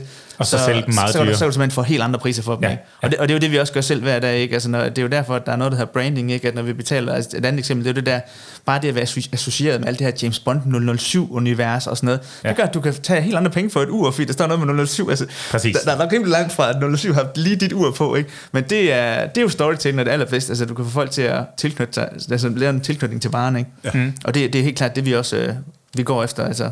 Nu, nu sagde du sådan, lasertrykken, det er pris, og øh, det er gode produkter og så videre. Ja. Det er så også noget måske med, at man kan få sin tryghed øh, omfavnet Ja. af, af Bettina nede i markedsføring, eller hvad hun nu hedder, ikke? Ja. Altså, så, så der kom vi jo lidt ind på, at der var noget storytelling alligevel, men, men, men kan et produkt, tænker du, der er et produkt, der kan leve helt uden storytelling, eller nu bliver det meget hypotetisk, så.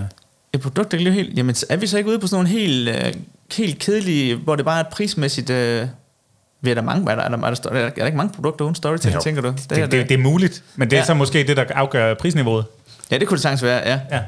Ja, noget, der er så basis. Altså, Det er sådan en basisvare, ja, ja. som man måske, altså nu, jo, nu er der selvfølgelig lambi, men jeg sad og tænkte toiletpapir som et eksempel, men, men Ja. ja. de har jo også puttet en lambi på, som kan suge helt vildt godt. Altså, Ja. men så er der så dem der, der er no-name. Det Eller er helt Nonly en basisvare, se- produktserien, det der, ja, det er da helt oplagt, det er... Ja. Ja, det, der er ikke nogen storytelling til dem, det er bare produktspecifikationer. Og hele jeres ildpizza, hvis I nu øh, kørt ud med hele jeres Marco Fuso og, mm. og øh, ovne med lange skorsten og hvad vi har, ikke? Ja. Øh, og, og så havde nogle pizzaer, der ikke levede op til den, øh, hvad kan man sige, det er jo en form for forhandling, man laver med kunden i sidste ende. Altså, man giver dem ligesom sit ord på, at det her det er så også et godt produkt. Hvis Ja. nu ikke kunne leve op til den, hvad... Ja, og det har, vi har lavet masser af dårlige pizzaer, og det, øh, det er der helt ærlig omkring. Wow, det har vi på bånd nu, Anders. Ja, ja, ja, ja, ja, det er, og det, det, ja, men, men så, så må man jo bare, altså det er jo der, vi har taget den her kundeservice med, øhm, du ved, der er i bogen også, som vi også har for læstryk, det er det her med at kende værdien af en kunde. Ja. Vi kan jo se en kunde, vi skal have en kunde til at købe lidt over to gange, og så vil de ved med at købe hos os. Så vi skal have dem til at prøve produktet. Øh, øh, og så bliver de lojale kunder, og det ved vi også fra læsertryk i øvrigt, at læsertryk, værdien af en kunde, nu har vi jo ikke så meget data, fordi virksomheden er ikke så gammel i Elpizza, men læsertryk, det ved vi jo, værdien af en kunde. Ja. Øh, og så, så vidt nu er det tre år siden, eller sådan noget, vi testede på det, jeg mener, det er omkring 10.000 kroner, de ender med at købe for. Ja. Øhm, og så er det jo helt åndssvagt at blive venner over et, et eller andet visitkort, som er skåret forkert, eller et eller andet, som måske koster også 25 kroner at trykke om. Ja. Øhm, så, så kundeservicen er ufattelig høj, og det gør vi også øh, i Pizza regi. Altså, der skal ikke særlig meget galt, før vi bare siger, jamen, så lægger vi os ned, og så får du bare lov at få en ny pizza. Mm. Det er... Det lyder som om, vi sådan er super flinke, men det er også rigtig god øh, sådan, købmandskab, synes jeg. Ja. Øhm, så, så, så en af de udfordringer, jeg har, det er, at jeg skal få folk til at prøve produktet.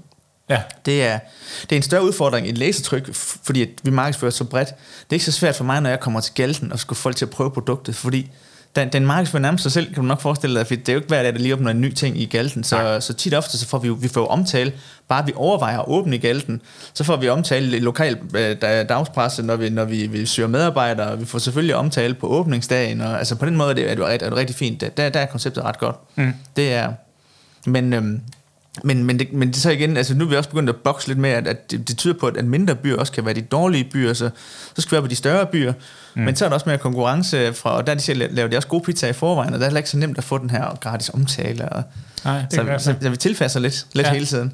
Jeg, jeg er på et tidspunkt øh, på et kursus i noget service design, Ja. og, øh, og der blev der hævet et eksempel frem, jeg tror også, jeg har nævnt det tidligere i vores podcast, men, men det var Jyske Bank, som havde lavet undersøgelser på, at øh, de kunder, som egentlig havde været ude for en udfordring, der var blevet løst for dem, mm. øh, faktisk var mere loyale kunder, end dem, der ikke havde haft en eller anden Lige ting, der præcis. gik galt. Ja. Så de faktisk var begyndt at arbejde aktivt med at lave en form for benspænd, så de kunne gå ind og løse det, og på den måde skabe mere loyale kunder. Er det, Ja. ja. er, er det også noget, I, Jamen, I bruger? jamen, lige præcis, det er jo et af tipene i vores fine bog med 111 tips. Det er det der, ja, altså man skal behandle de der reklamationer meget seriøst, fordi at det du skaber faktisk mere loyale kunder end en gennemsnitskunde. Mm. En kunde, der har, har fået behandlet en dårlig situation, men rigtig godt, Ja. bliver en mere loyal kunde. Det lyder helt skørt, ikke? Men altså, det er simpelthen... Men, men lægger man så også måske lidt op til reklamationer? Altså, giver det mening? Ja, jeg forstår det godt. Nej, ikke den måde. Vi, jeg kan ikke huske, at vi har arbejdet med, med bevidste... Altså, vi, vi har lavet sådan noget med, at for når vi sender robotmails ud, så laver vi bevidste stavefejl i den. Så, og, og kun i det, der hedder TXT-format. Ja. Sådan at når, når, når, når, når kundeservice hvert år sender glædelig jul til deres... De, vi ved jo, hvem, hvem der er tilknyttet det ude i læsertryk. Øh,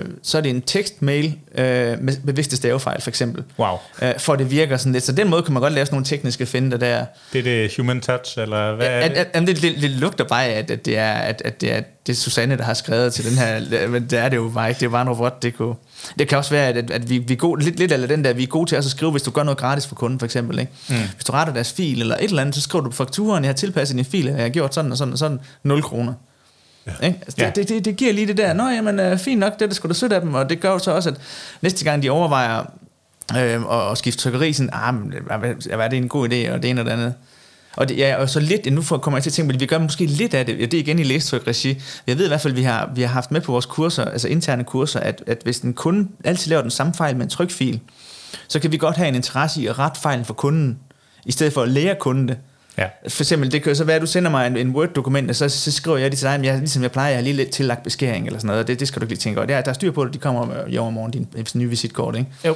Det kunne da godt være, at jeg kunne lære dig at gøre det, men det giver også en god tilknytning, Ja. ja. at, øh, at, at jeg altid løser det for dig. Og skaber ambassadører, tænker at de bærer jo historien videre med den, de søde folk nede på lasertryk. Som, Ja, ja, lige præcis. Det er så øh, flinke. Som har gjort noget ja, for mig, præcis. Ja. ja. Og så næste gang, du ser en annonce, at du kan spare 25 kroner ved at købe den ved et andet trykkeri, så tænker du, "Ah, kan det svare sig? Ham der er Bjarne ude i Læstryk, han skulle altid så sød til lige at lave det. Og det. Skal, skal jeg mærke, Bjarne? Ja, ja, lige præcis. Ja. Perfekt. Ja. Når, når du sidder og øh, konceptudvikler for eksempel et koncept som Ildpizza, ja. eller hvad du nu har været inde over af alle mulige ja. Mærkværdige projekter, ikke? er der sådan nogle historier, der inspirerer dig, når du sådan skal tænke nye tanker? Eller, øh, Nej, det ved, altså jeg, jeg hører selv rigtig mange podcasts, Ja. øh, derfor, og så rigtig meget inspiration fra USA. ja. Øhm, og det tror jeg, det er sådan lidt... Altså, Hvorfor USA? Hvad er det, de kan? at de er altid foran, synes jeg, på alt det her kundeservice og kommunikation og humor. Altså det er, alle der arbejder med kommunikation skulle holde øje med USA, synes jeg. Jeg synes også, man bare skulle tage det over. Ja. Det er, bare prøv at høre amerikanske radioreklamer og sådan noget, de er bare mega gode. I forhold Hvad- til hvad er danske- det, der skal det, betyde? det, det, er faktisk primært humoren. Ja. Altså de er simpelthen så god, tør humor, og det synes jeg, det fungerer bare specielt i radioreklamer. Ja. Det, øh, der kunne man virkelig lære meget. Og nu, nu behøver man nærmest ikke tage det over, man kan jo bare se på nettet. Ja, ja, det er det. Ja. Hvilket podcast vil du, øh, vil du sige, man skulle dykke ned Altså i? Joe Rogan, synes jeg, den var... Øh, han, han, jeg synes, han har en... Øh, men det er sådan set ikke så, så marketing-relateret, men Joe Rogan har en, en fed podcast om sådan det amerikanske samfund og hvad der sker. Mm. Mm. Han er god. Du kører også lidt personlig storytelling, hvis vi lige skal gå Gør jeg? et smut ned ad den vej. Nå, At- ja. Altså, man kan sige, øh, andre i en position som din, kunne godt have en tendens til at være øh, mindre åbne. Mm. Omkring, du deler meget af dig selv. Altså nu øh, nævner du også dig og Esben i, i flæng af flere omgange, at I, at I bruger jer selv. Mm. Øhm, men altså, øhm, ja, altså lige til hvor du bor, og når du laver Ja, classic ja. car race Ja. events og så videre. Hvilke valg ligger der bag det? Det er jo sådan, det er jo, nu har vi lige haft Amerika op event, det er ret udansk, Ja. tænker jeg. Ja. Det er en påstand. Du må Jamen, gerne ja, ja, ja, sige mig ja, men øh, jeg hører, hvad du siger. Tænker du sådan noget janteagtigt noget? Øh, Ja, blandt ja. andet, ikke? Jamen, det er svært. Det, det, det er noget, vi har diskuteret løbende. Det er, og, og, og, jeg, og jeg ved simpelthen ikke, hvordan... Øh, altså, hvis du ser Eunice som vores, øh, vores, vores partner og kompagnon der, han har jo sådan, det er sådan en videoblog, hvor han går ud og laver afsnit. Han har en kameramand, der følger ham rundt. Han er jo sådan rigtig god til at iscenesætte sig selv, og jeg tror, han laver i hvert fald 10 meget lavt sæt af de her stories hver dag, altså på Instagram. Ja. Øhm, så, så i forhold til ham, så synes jeg egentlig ikke, at jeg laver så meget, og, og, men, men jeg kan også godt se, at jeg laver meget, fortæller meget mere om mit liv i forhold til, til alle mulige andre, som man lever helt stille. Altså det er, jeg tror virkelig, det er svært. Altså, jeg tror, trækket må være, og det, er- det er også noget, jeg snakker med Esben om, jeg gør det mere, end Esben gør, for eksempel. Ja. Øh, Det er også grunden til, at du sidder her i dag, ikke? Altså, Ja. at, at du er, selvfølgelig du er markedsføringsmanden i, Ja. i Bixen, ikke? Men, Ja. men stadigvæk, det, det er dit ansigt, der oftest popper op i, i fortællingen om, hvad Ja. andre laver, ikke? Jamen, det er rigtigt. Og det, det, jeg, tror, jeg tror bare, man skal gøre det, det, det, man selv synes er rigtigt. Du kan jo finde eksempler på nogen, der aldrig nævner sig selv nogen steder. Du kan også nogen, der gør det 10 gange så meget som en selv. Og jeg, jeg synes, det er virkelig svært, hvor meget man skal, hvor meget, hvor meget man skal dele. Fordi jeg siger, jeg, jeg, jeg, jeg, det nemme er jo bare at sige, jamen altså, man, man, man holder bare sin kæft og sådan noget. Men det synes jeg egentlig, jeg synes, de har nogle spændende historier og sådan noget. Og, så jeg kan egentlig også godt lide at dele det lidt, så den, den er virkelig svær. Det er, det er svært. Og så, så, sådan, så kunne man sige sådan, jamen er det så fordi, du stræber efter sådan et eller andet øh, kendisagtigt? Vil du gerne være sådan en iværksætter, ham der er sådan en iværksætter-guru-agtigt, eller andet? det, og det, det synes jeg faktisk heller ikke mit ærne overhovedet. Og jeg siger også dig til at deltage i en masse ting, og meget med elpizza er det også Jonas, vi sender ud. Så jeg tror egentlig, det er sådan en kendis-ting-agtigt. Det, det tror jeg egentlig ikke, jeg har noget behov for. Så det er, sådan, det er virkelig svært. Jeg tror bare, man skal gøre det, man synes, det virker rigtigt. Sådan. Men det virker jo også som om, at det virker for dig. Men møder du så denne her jante, altså janteloven, kommer den, altså får du nogen svirp med den? Eller? Nej, jeg faktisk, faktisk nogle gange, nogle gange intern, faktisk mest for Esben. Han kan godt finde på at sige, hvorfor deler vi det der, hvorfor deler vi det? Jeg synes virkelig, det er svært. Og, og, og hver gang man deler, vi, vi, det kan være en, en Jakob Riesgaard eller en Mads Peter Vejby, og sådan nogle, nogen på vores alder, som også er sådan nogle iværksættertyper, og de deler meget mere, og så snakker hvad, hvad meget deler de, og hvad, hvad skal man sige? Og jeg tror virkelig, der ikke er noget, man skal bare gøre det, man selv synes er, er rigtigt. Jeg tænker, når man, når man selv melder sig på banen, så sætter man jo også røven i klaskøjet. Ja. Altså, så, så må man også have de test, der følger med. Men ja. det kan der jo faktisk komme en god dialog ud af. Og, og nu virker du sådan rimelig flyvende på det der, der hedder, hvad hedder det, service og kundeservice og sådan ja, noget. Så jeg tænker, ja. du er god til at tage dem, hvis der er nogen, der, der udfordrer dig på den måde, du fremstiller. Ja, det tror jeg også. Ja. Og så, så ender man jo med, måske med, med bedre ambassadør i sidste ende, kvæg vores uh, lille snak. Ja, men det er rigtigt. Ja, ja. Ja, nu men, det er jo, men det er jo lidt sjovt, fordi vi gør det jo også selv rigtig meget skæg og ballade, og prøver på at, at, at vise, hvem skæg og ballade er, når ja. vi og laver podcasten her, er heller ikke bange for at bruge os selv på det. Nej. Måske på den plan, men, men stadigvæk så vil vi jo gerne, øh, når vi laver noget sammen med nogle kunder, altså identificere os sammen med dem og skabe historien sammen med dem, og derved også styrke os selv i, i markedet som gode øh, historiefortællere. Ja, Jamen det er virkelig, og, og altså, vi har ligesom alle mulige andre, vi har da også et behov for at sige, at det her det er noget, vi har lavet, og som vi er stolte af. Det, jeg er virkelig glad for det her projekt, jeg har lavet i aften. Så kan jeg være, at jeg laver et eller andet med ildpizza, nu har vi åbnet et eller andet. Og, og, men man læner sig hele tiden op af den der klaskøjde, nu spiller han smart igen, og nu skal han igen vise, hvad han er gang i. Men altså, det er jo bare det, der sker i, i, i min hverdag, og sådan er, sådan er det jo. Altså, det, det, sådan, det synes det er svært at... Ja. Der er ikke nogen, der lige trylleformularer. Vi taler meget om, at vi skaber virkelighed. Altså, hvis ja. vi fortæller en, en historie, så er det jo også ofte det, der så, altså, så er det det, man efterlader øh, af, af, af sandhed, ikke? Altså, ja. så, så et helt basalt eksempel, hvis vi lægger mange billeder op, hvad vi laver, jamen, så tænker folk, de har skide travlt, og så bliver ja. det også virkeligheden, ikke? Ja. Altså, det, det ved jeg ikke om noget, du tænker i din måde at, at kommunikere på os, altså, du skaber din egen virkelighed ud, ud fra det. Nej, det, det, det, det er ikke nogen. Altså min private post her, det har slet ikke noget øh, med virksomheden på den måde at gøre, synes nej, jeg. Nej, nej. Og hvad med, hvad med, når vi er over i virksomhedspost og sådan noget, deres konti eller sådan noget, det er måske... Og, og der, der, der, der er en del af det. Ja. Og, og der er virkelig også, det, men det er jo sådan en helt svar snak, altså hvordan vil du kommunikere derover og, og det er jo igen, det Jonas har stået for mange af billederne, og skal det være unge damer, som er det, det, det som han synes er, er, er spændende lige nu og sådan noget, det er det, der sælger pizza og sådan noget, det er virkelig svært, hvad, så det, det er sådan en dialog, der hele tiden kører. Hvad, hvad, hvad skal man poste på de der medier? Klart. Ja. Øhm, jeg har et, et, et spørgsmål, ja. sådan, fordi man kan sige, nu, nu, nu, når vi nu har ildpizza godt i vandet, og ja. den sejler der ud af og ja, ja. eskaleret, og, og den er selvfinansierende og sådan nogle ting. Ja. H- hvad bliver næste projekt? Det er sgu et godt spørgsmål. Det, øh, jeg ved det faktisk ikke lige nu, øh, men jeg tror, at der kommer et projekt med, jeg synes, det er sjovt at arbejde med sådan nogle koncepter, og, og, og sætte dem i søen, og så få dem til at skalere. For det virker jo som om, at, at, at når du sådan har fundet den gode historie, jamen så, så koncept, koncept, hvad var Konceptualisere. Koncept, tak for det. Ja, ja. Jeg har været i den før. Ja. Nu må ja. du hjem og træne. Ja. Jeg prøver. Jamen, jeg kan godt følge og, og min rolle i meget af det her, det er jo at, at lave koncept, og altså, man kan jo godt sige, at stykke vejen af min rolle lidt udspillet nu her, for nu skal det jo bare i god så skaleres, og, og, og, og, det kan også være en anden direktør, kunne være lige så god som mig til at forhandle indkøbspriser og sådan noget, for nu er vi konceptet nogenlunde på plads, men der vil være løbende opdateringer, og hele tiden prøver vi jo nye ting og tester nogle ting, og kan vi lave noget mere salg? Hvad, hvad, vil, kunderne også, vil, vil kunderne også have pasta, eller går vi på kompromis med konceptet? Der er sådan mærkelige ting hele tiden. Og, så, ja, men, men jeg tror da helt sikkert, der kunne, komme, der kunne godt komme en anden ting også, altså en ny ting. Ja. Øhm, jeg tror også godt inden for fødevare. Det, synes, det er en meget sjov branche. Restaurationsbranchen det er meget sjov. Øh, så ja, og når du først har erfaring med at åbne en masse butikker og logistikken og alle de her ting, så kunne du også godt lave en anden kæde, hvis det var det, det skulle til. Ja. Øhm, så. Ja, der er faktisk noget omkring det her big data, jeg sidder og tænker på. Øh, mm. Vi har tidligere haft fornøjelsen af i en anden sammenhæng at snakke med Mathilde Markowski ude fra Stinfuld. Ja, ja. Hvordan, øh, altså der kommer vel også nogle historier, når man begynder geografisk at være rundt i et lille land som Danmark, hvor, hvor hvad der trender mest. Altså en god historie i, at i øh, Odder, der spiser de meget af det her i ja, forhold ja, til... Ja, ja. Øh, Ja, men Mathilde, hende kender jeg også rigtig godt, og, og hun er en, der er rigtig god til at, at arbejde med pressen. Jeg tror, en af de historier, du nævner, det er, at hun har jo succes hver eneste år med at sige, at det her det er Danmarks mest sexede by, og hun går ind og tager et datatræk, og så finder ud af, at i Slagelse kører de fleste dildoer eller sådan noget. Ikke? Præcis. Og, og, den bliver bare taget hvert år, og hun er skide god til det, det spiller bare. Det er, og den, den måde kunne man godt øh, arbejde med data. Så vi skriver nogle flere byer, ikke? Øhm, men klart, ja, altså, ja hvor, hvor, hvor er de sundeste, hvor, hvor, hvor er de mest, og det, det, det kan man sagtens. Øhm, man, man skal passe på med det også, fordi at vi har også, altså, på et tidspunkt så inviterede vi til, havde vi en biografsal, hvor vi havde vores bedste kunder derinde, og så, så var der, der var en, der i særklasse vores allerbedste kunde, der måtte jeg også lige, ham vil jeg gerne lige honorere, og han, øh, han vandt en præmie derinde, men der var, inden så gik jeg også lige og prikkede ham, om det var cool med ham, jeg lige nævnte det fedt. Det er også lidt mærkeligt, hvis spiser mange pizzaer, er, er, er, sådan, er vi sådan lidt ude af noget usund livsstil her, og sådan noget. Øh. Så der, der, man skal hele tiden passe på, hvordan du bruger dataen, og hvordan man kan, men der ligger mange historier gemt i dataen, det er helt sikkert. Ja, fedt. Ja. Øh, vi er så smart ved at nærme os vejs ende i vores snak her, men ja. jeg vil faktisk tillade mig at stille spørgsmål, jeg allerede har stillet øh, i starten, og det er, om der skal en god historie til for at sælge produkt. Nu har vi snakket om det her et stykke tid. Nu, nu, nu, om der skal, det ved jeg ikke, men jeg mener, det er en rigtig, rigtig god idé, øh, og det er sådan noget, som jeg synes er spændende at arbejde med.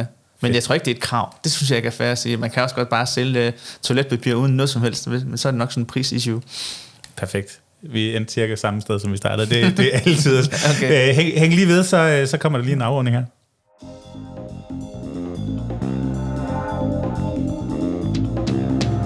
Yes, og det er fordi, at vi plejer at give en lille udfordring øh, til vores gæster til sidst, og det er øh, den klassiske disciplin i storytelling, der hedder elevatortalen. Øh, som hedder, at du øh, stiller dig ind i en elevator, og dørene lukker, og der står en person ved siden af dig, som spørger, Anders, hvad er det egentlig, du render og laver? Hmm, det, det kunne jeg godt lige have forberedt lidt bedre, var det?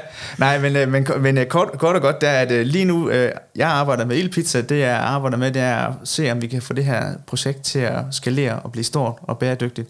Så uh, mit arbejde består i at sælge pizzaer til de danske forbrugere. Det var sgu rimelig skarpt skåret. Perfekt. Ja, fedt. Jamen, øh, det har været super dejligt at have dig med. Jeg håber det også, du øh, har fået Ja, det var sjovt at sidde og ja, med, med jeres podcast, synes jeg. Hvordan er det sådan at få, få vredet sin storytelling igennem i, over en times tid? Jeg synes, det er sjovt. Det er, en, øh, ja, det, er, det er sjovt at sidde og snakke koncepter. Ja.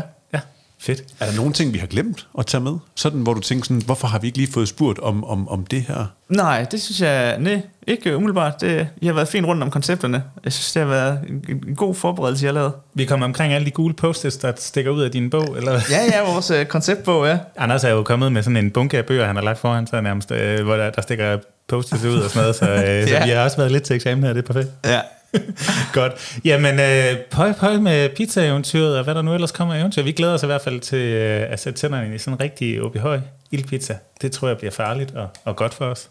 Jamen, tusind tak, fordi jeg måtte være med. Det er godt.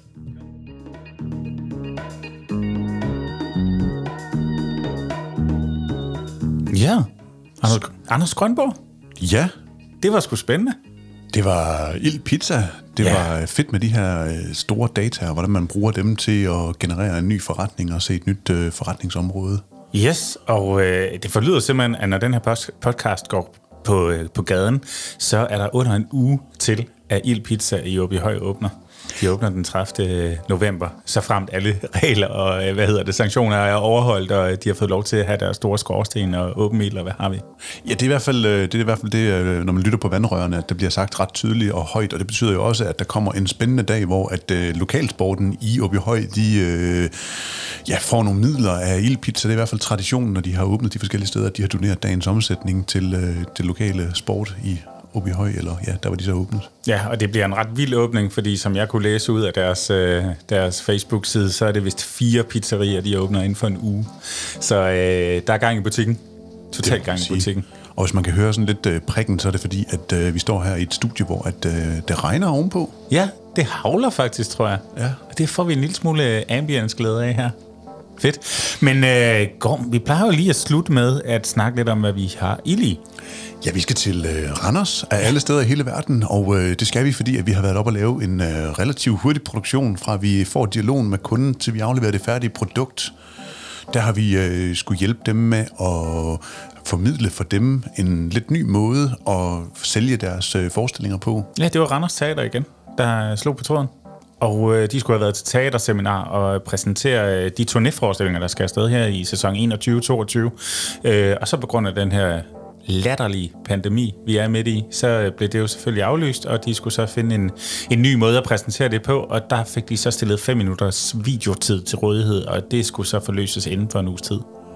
Ja, så vi, øh, vi rykkede op og havde en god dialog med Bjarke, deres lysmand op, som hjalp med at få øh, sat noget lys på øh, den skuespiller, der skulle fremføre en, en sekvens i øh, den færdige film, og så øh, Peter Westphal, som, som skulle øh, ligesom præsentere det hele, og præsentere, hvad det er, de har på øh, menukortet øh, for den kommende sæson. Og der fik øh, Bjarke sat noget fint lys på, og jeg fik sat en hulens masse kameraer op, hele tre styk. Og mm. øh, vi har den her øh, teleprompt her, som er en fantastisk opfindelse, når man gerne vil have det her nærvær fra øh, en person, som jo så helt naturligt står og læser på skærmen, men ikke tænker over, at der faktisk er et kamera, som, som filmer på samme tid bag det her dobbelt, øh, sådan lidt spionglas-agtige ting. Ja, den filmer faktisk direkte igennem teksten. Det er ret sejt. Det er faktisk øh, mega fedt, og ja. Ja, typisk så er det jo sådan noget, man ser radioværter, eller hvad hedder studieværter på øh, tv, der, der bruger det også, og så kan man sådan ganske se, at øh, deres øjne flakker i en my, når de læser op, men, men, men det fungerer overraskende godt. Og så har vi jo så sat flere kameraer på, så vi har noget indklipsbillede øh, til dem. Og så havde vi så i løbet af øh, filmen, der skulle der så åbne en øh, skuespiller op, Daniel på, øh, på, på højre side af, af Peter, når han snakkede.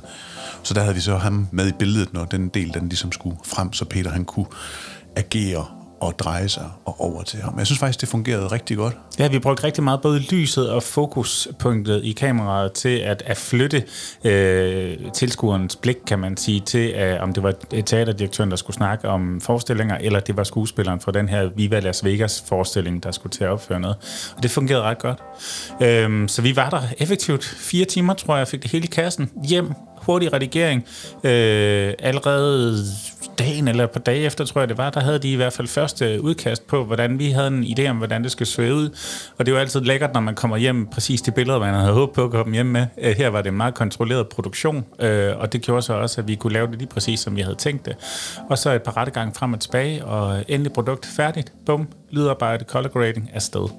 Ja, fordel, altså fordelen ved teleprompten er jo også her, vi har jo så også et manus, vi kan følge med i, og i vores klippearbejde, så vi, vi har jo en, en meget mere øh, skarp formidling i materialet, fordi at, at, at der bliver sagt det samme, og ellers så bliver det rettet i teleprompten, og der bliver rettet i manus på samme tid, hvis der, der skal gøres noget. Så, så det, det er sgu en, en skarp fortælling, man kan lave på en ret hurtig og kort produktion, så det ser pisse godt ud. Yes, og de fik deres super skarpe 5 minutter på sekundet, som de kunne levere, og øh, det var med lækkert logo og hilsen fra teaterchefen og endda en lille snas skuespil, så øh, det, er en, det er en produktion, jeg er skide stolt af. Jeg håber, de får solgt noget på baggrund af det. Det øh, burde i hvert fald hjælpe dem øh, til at, at, at præsentere deres menukort bedre.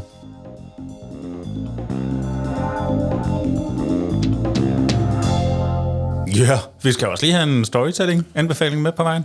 Ja, og hvis jeg må lægge fra land, så øh, skal vi ind i øh, Radio 4 podcast-univers for mit vedkommende, og øh, jeg har dykket ned i en øh, podcast, der hedder Overskud, som har ligget siden august måned, ugenlig frekvens, og de er vel på en 15 afsnit eller noget efterhånden.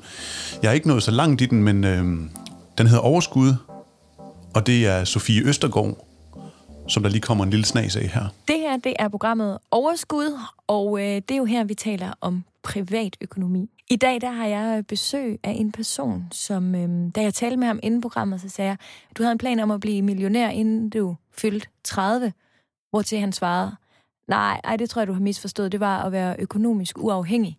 Millionen, den fik jeg allerede som øh, 25-årig. Daniel Hansen Pedersen, velkommen til Overskud. Tak skal du have. Sofie Østergaard, hun har øh, forskellige øh, gæster i studiet, som, on, hvor omdrejningspunktet hele tiden er økonomi og lån og pension, og hvordan man kan blive bedre til at, at forvalte sin egen øh, privatøkonomi. Og øh, i det afsnit, jeg senest har hørt til her, der havde hun øh, Daniel inde, og Daniel han er gået fra civilingeniør til YouTuber.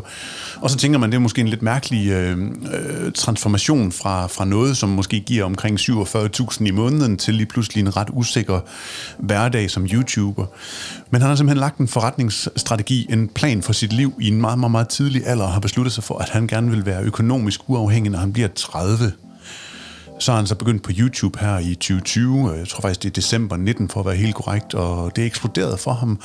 Han går ind og, og kigger på det her med at leve øh, under evne, hvis man kan sige det sådan. Altså han sørger for at have flere penge på kontoen hver måned, end han, han, han forbruger. Altså øh, luksusfælden med modsatrettet fortegn. Ja, det kan man sige. Han er yderst bevidst om, hvordan og hvorledes han bruger pengene og, og, og sparer op og investerer dem så øh, klogt hele tiden og prøver på at akkumulere flere penge. Og så har han så lavet en film nu her på YouTube. Øh, en af dem, hvor at han Jamen, har gjort op. Han har købt et hus. Det har han gjort i en alder af 3-24 år, og så i, tæt på København øh, sammen med sin kæreste kone. Og jamen, nu øh, har han gjort en opgørelse og kan se, at han som en 25-årig allerede har rundt den første million sådan, øh, på, på bogen. Og så har vi gennemgår øh, Sofie så hele, hele hendes, øh, hans historie dertil, og hvor han startede henne, og planer, hvor tidligt det kommer. Og det er faktisk super spændende, fordi at, at du får økonomi sådan bragt ned i øjenhøjde, hvor alle kan forstå det og følge med i, og jamen, man får lyst til at tage ansvar for sin egen økonomi og, og, og, og kigge på det. Øhm, det er kæmpe sejt. Jeg kan godt lide sådan det opbyggelige i, at det er en positiv tilgang til det, hvor vi jo ellers kender det fra netop luksusfælden, som jeg havde fat i før, hvor man ligesom hiver dem ud, som ikke kan finde ud af det, og udskammer dem, og jamen ved Gud, man kan da godt se noget af sig selv i det også, men det da langt federe, synes jeg, ligesom at tage den positive tilgang og sige, hvordan bliver jeg klogere? Ja, det må man sige, og, og, og der kommer helt klart konkrete tips og råd og, og callback til nogle af de tidligere gæster, hvor at man kan dykke ned i at blive klogere på sin øh, økonomi, så man virkelig får noget, man kan tage med sig videre. Og for lige at tease lidt, jamen, øh, hvis det var stod til Daniel, så vil han stadigvæk købe en Tesla-aktie. Det gjorde han som en af de første, og han har tjent 1000% på den. Wow! ja, og han det, vil ikke sælge. Det kan noget. Hvad, hvad siger du podcasten eller programmet hedder igen? Overskud på Radio 4. Øh, gå ind og find øh, overskud ved øh, tidligere Flying Kit øh, superpige øh, Sofie Østergaard. Wow, fedt. Yes, jamen jeg har også taget en, øh, en lille god fortælling med, synes Lad jeg. høre, lad ja, høre. Ja, ja. Det forholder sig jo sådan, at jeg er øh, højskolemand til benet. Totalt rundet er det. Øh, fundet både min bofætter og min hustru gennem højskoleliv, og det, det, det er noget, der betyder meget for mig. Ikke? Og, og for ligesom at køre fuld cirkel på det, så øh, her i sidste torsdag, da jeg havde fødselsdag, der fik jeg en ekstra fødselsdagsgave i og med, at den 19. udgave af den lille blå højskolesangbog, den landede. Og øh, det, er jo, det er jo fedt i sig selv, kan man sige. Der kører der også en masse historie i pressen. Det gør der hver gang, der kommer en ny højskolesangbog. Det gør der cirka en gang hver 10 år. Og den her gang så handlede det om, at øh, Shubidua var blevet skrevet ud. Danmarks sang, den var røget ud af højskolesangbogen meget uheldigt sammenfald med, at Michael Bundesen så døde.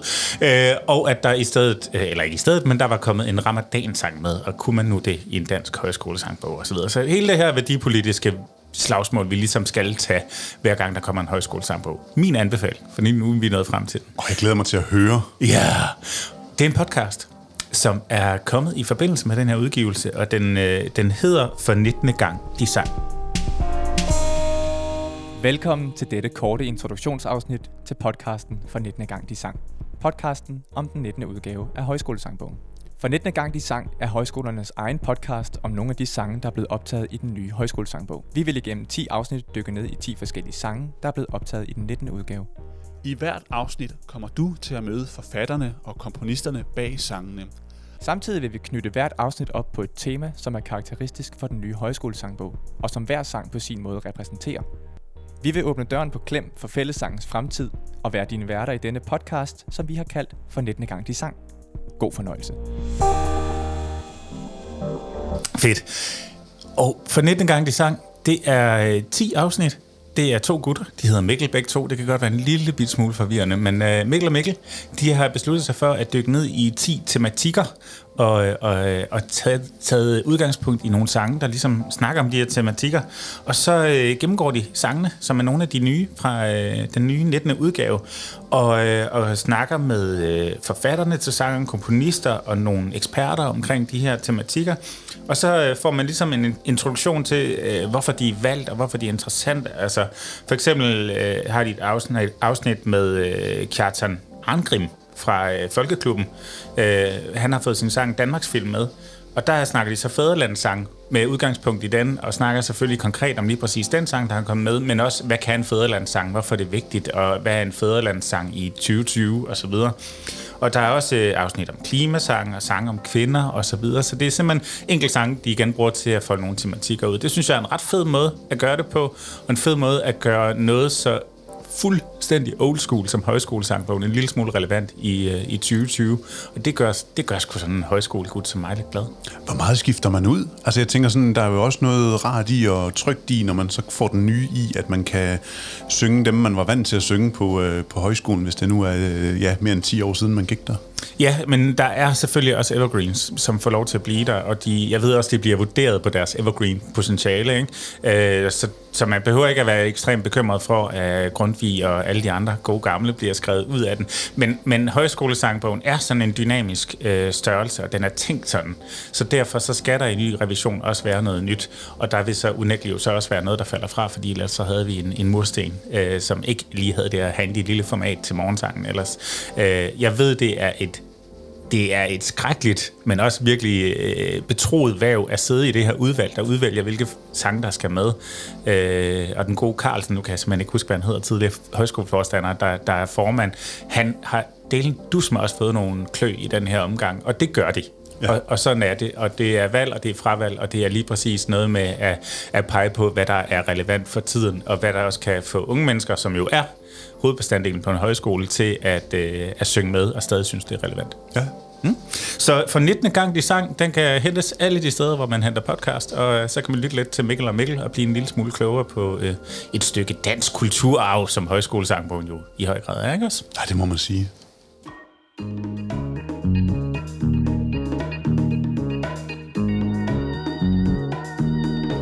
Og Jakob, ved du hvad jeg glæder mig til? Nej, hvad glæder du dig til, Gorm? Jakob, jeg glæder mig til næste afsnit, og ved du hvorfor?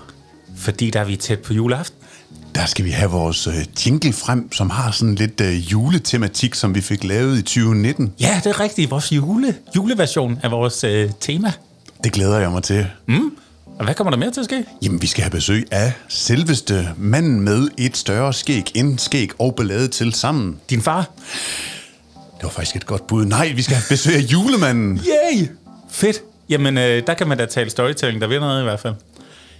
Jeg glæder mig som et lille barn til juleaften. Det bliver simpelthen så godt at få lov til at dykke ned i hele den her julefortælling og alt det, der ligger omkring, øh, og de 11 måneder, der er op til. Ja.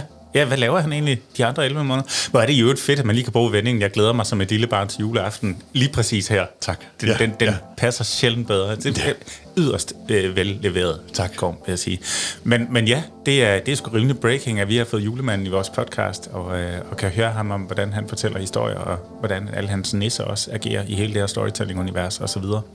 Det bliver spændende. Det bliver enormt spændende, og når vi så er ved musikken og den vej rundt, så skal vi jo huske, at der er en mand, som har lavet det til os, som hedder Henrik Palke Møller. Ja, for pokker. Henrik, godt arbejde. Det må man sige. Kæmpe tak for det. Ja, og øh, ellers så skal vi jo bare sige tak til Anders, fordi han vil være med i det her afsnit. Og øh, hvis du kunne lide det, du hørte, så må du hjertens gerne gå ind og smide fem stjerner i en anmeldelse. Øh, mindre kan selvfølgelig også gøre det, men det er de fem, der ligesom trækker, trækker fra land derinde. Og hvis du ikke synes, den helt fortjener det, så er vi ekstremt lydhøre i forhold til at få feedback. Ja, faktisk rigtig meget gerne, fordi at, at vi laver det jo for dig, så du kan bruge det her dyk ned i værktøjskassen sammen med os. Og det vil vi gerne gøre bedre, og vi vil gerne vide, hvilke gæster du kunne tænke dig at lytte til næste gang. Og hvis du ikke kan give den der femstjernede der, jamen, så må det være, fordi der er et øh, forbedringspotentiale, som vi gerne vil høre om. Det vil vi rigtig gerne høre om. Mm. Men tak fordi du lyttede med den her gang. Det var blevet værdi at lave skæg og ballade, og vi er jo den her lille kommunikationsmix, ligger i Aarhus, og du kan læse meget mere om, hvad vi laver inde på skægogballade.dk. Skæg og ballade, lige ved siden af Ild Pizza i Åbyhøj. Yeah, ha' det godt.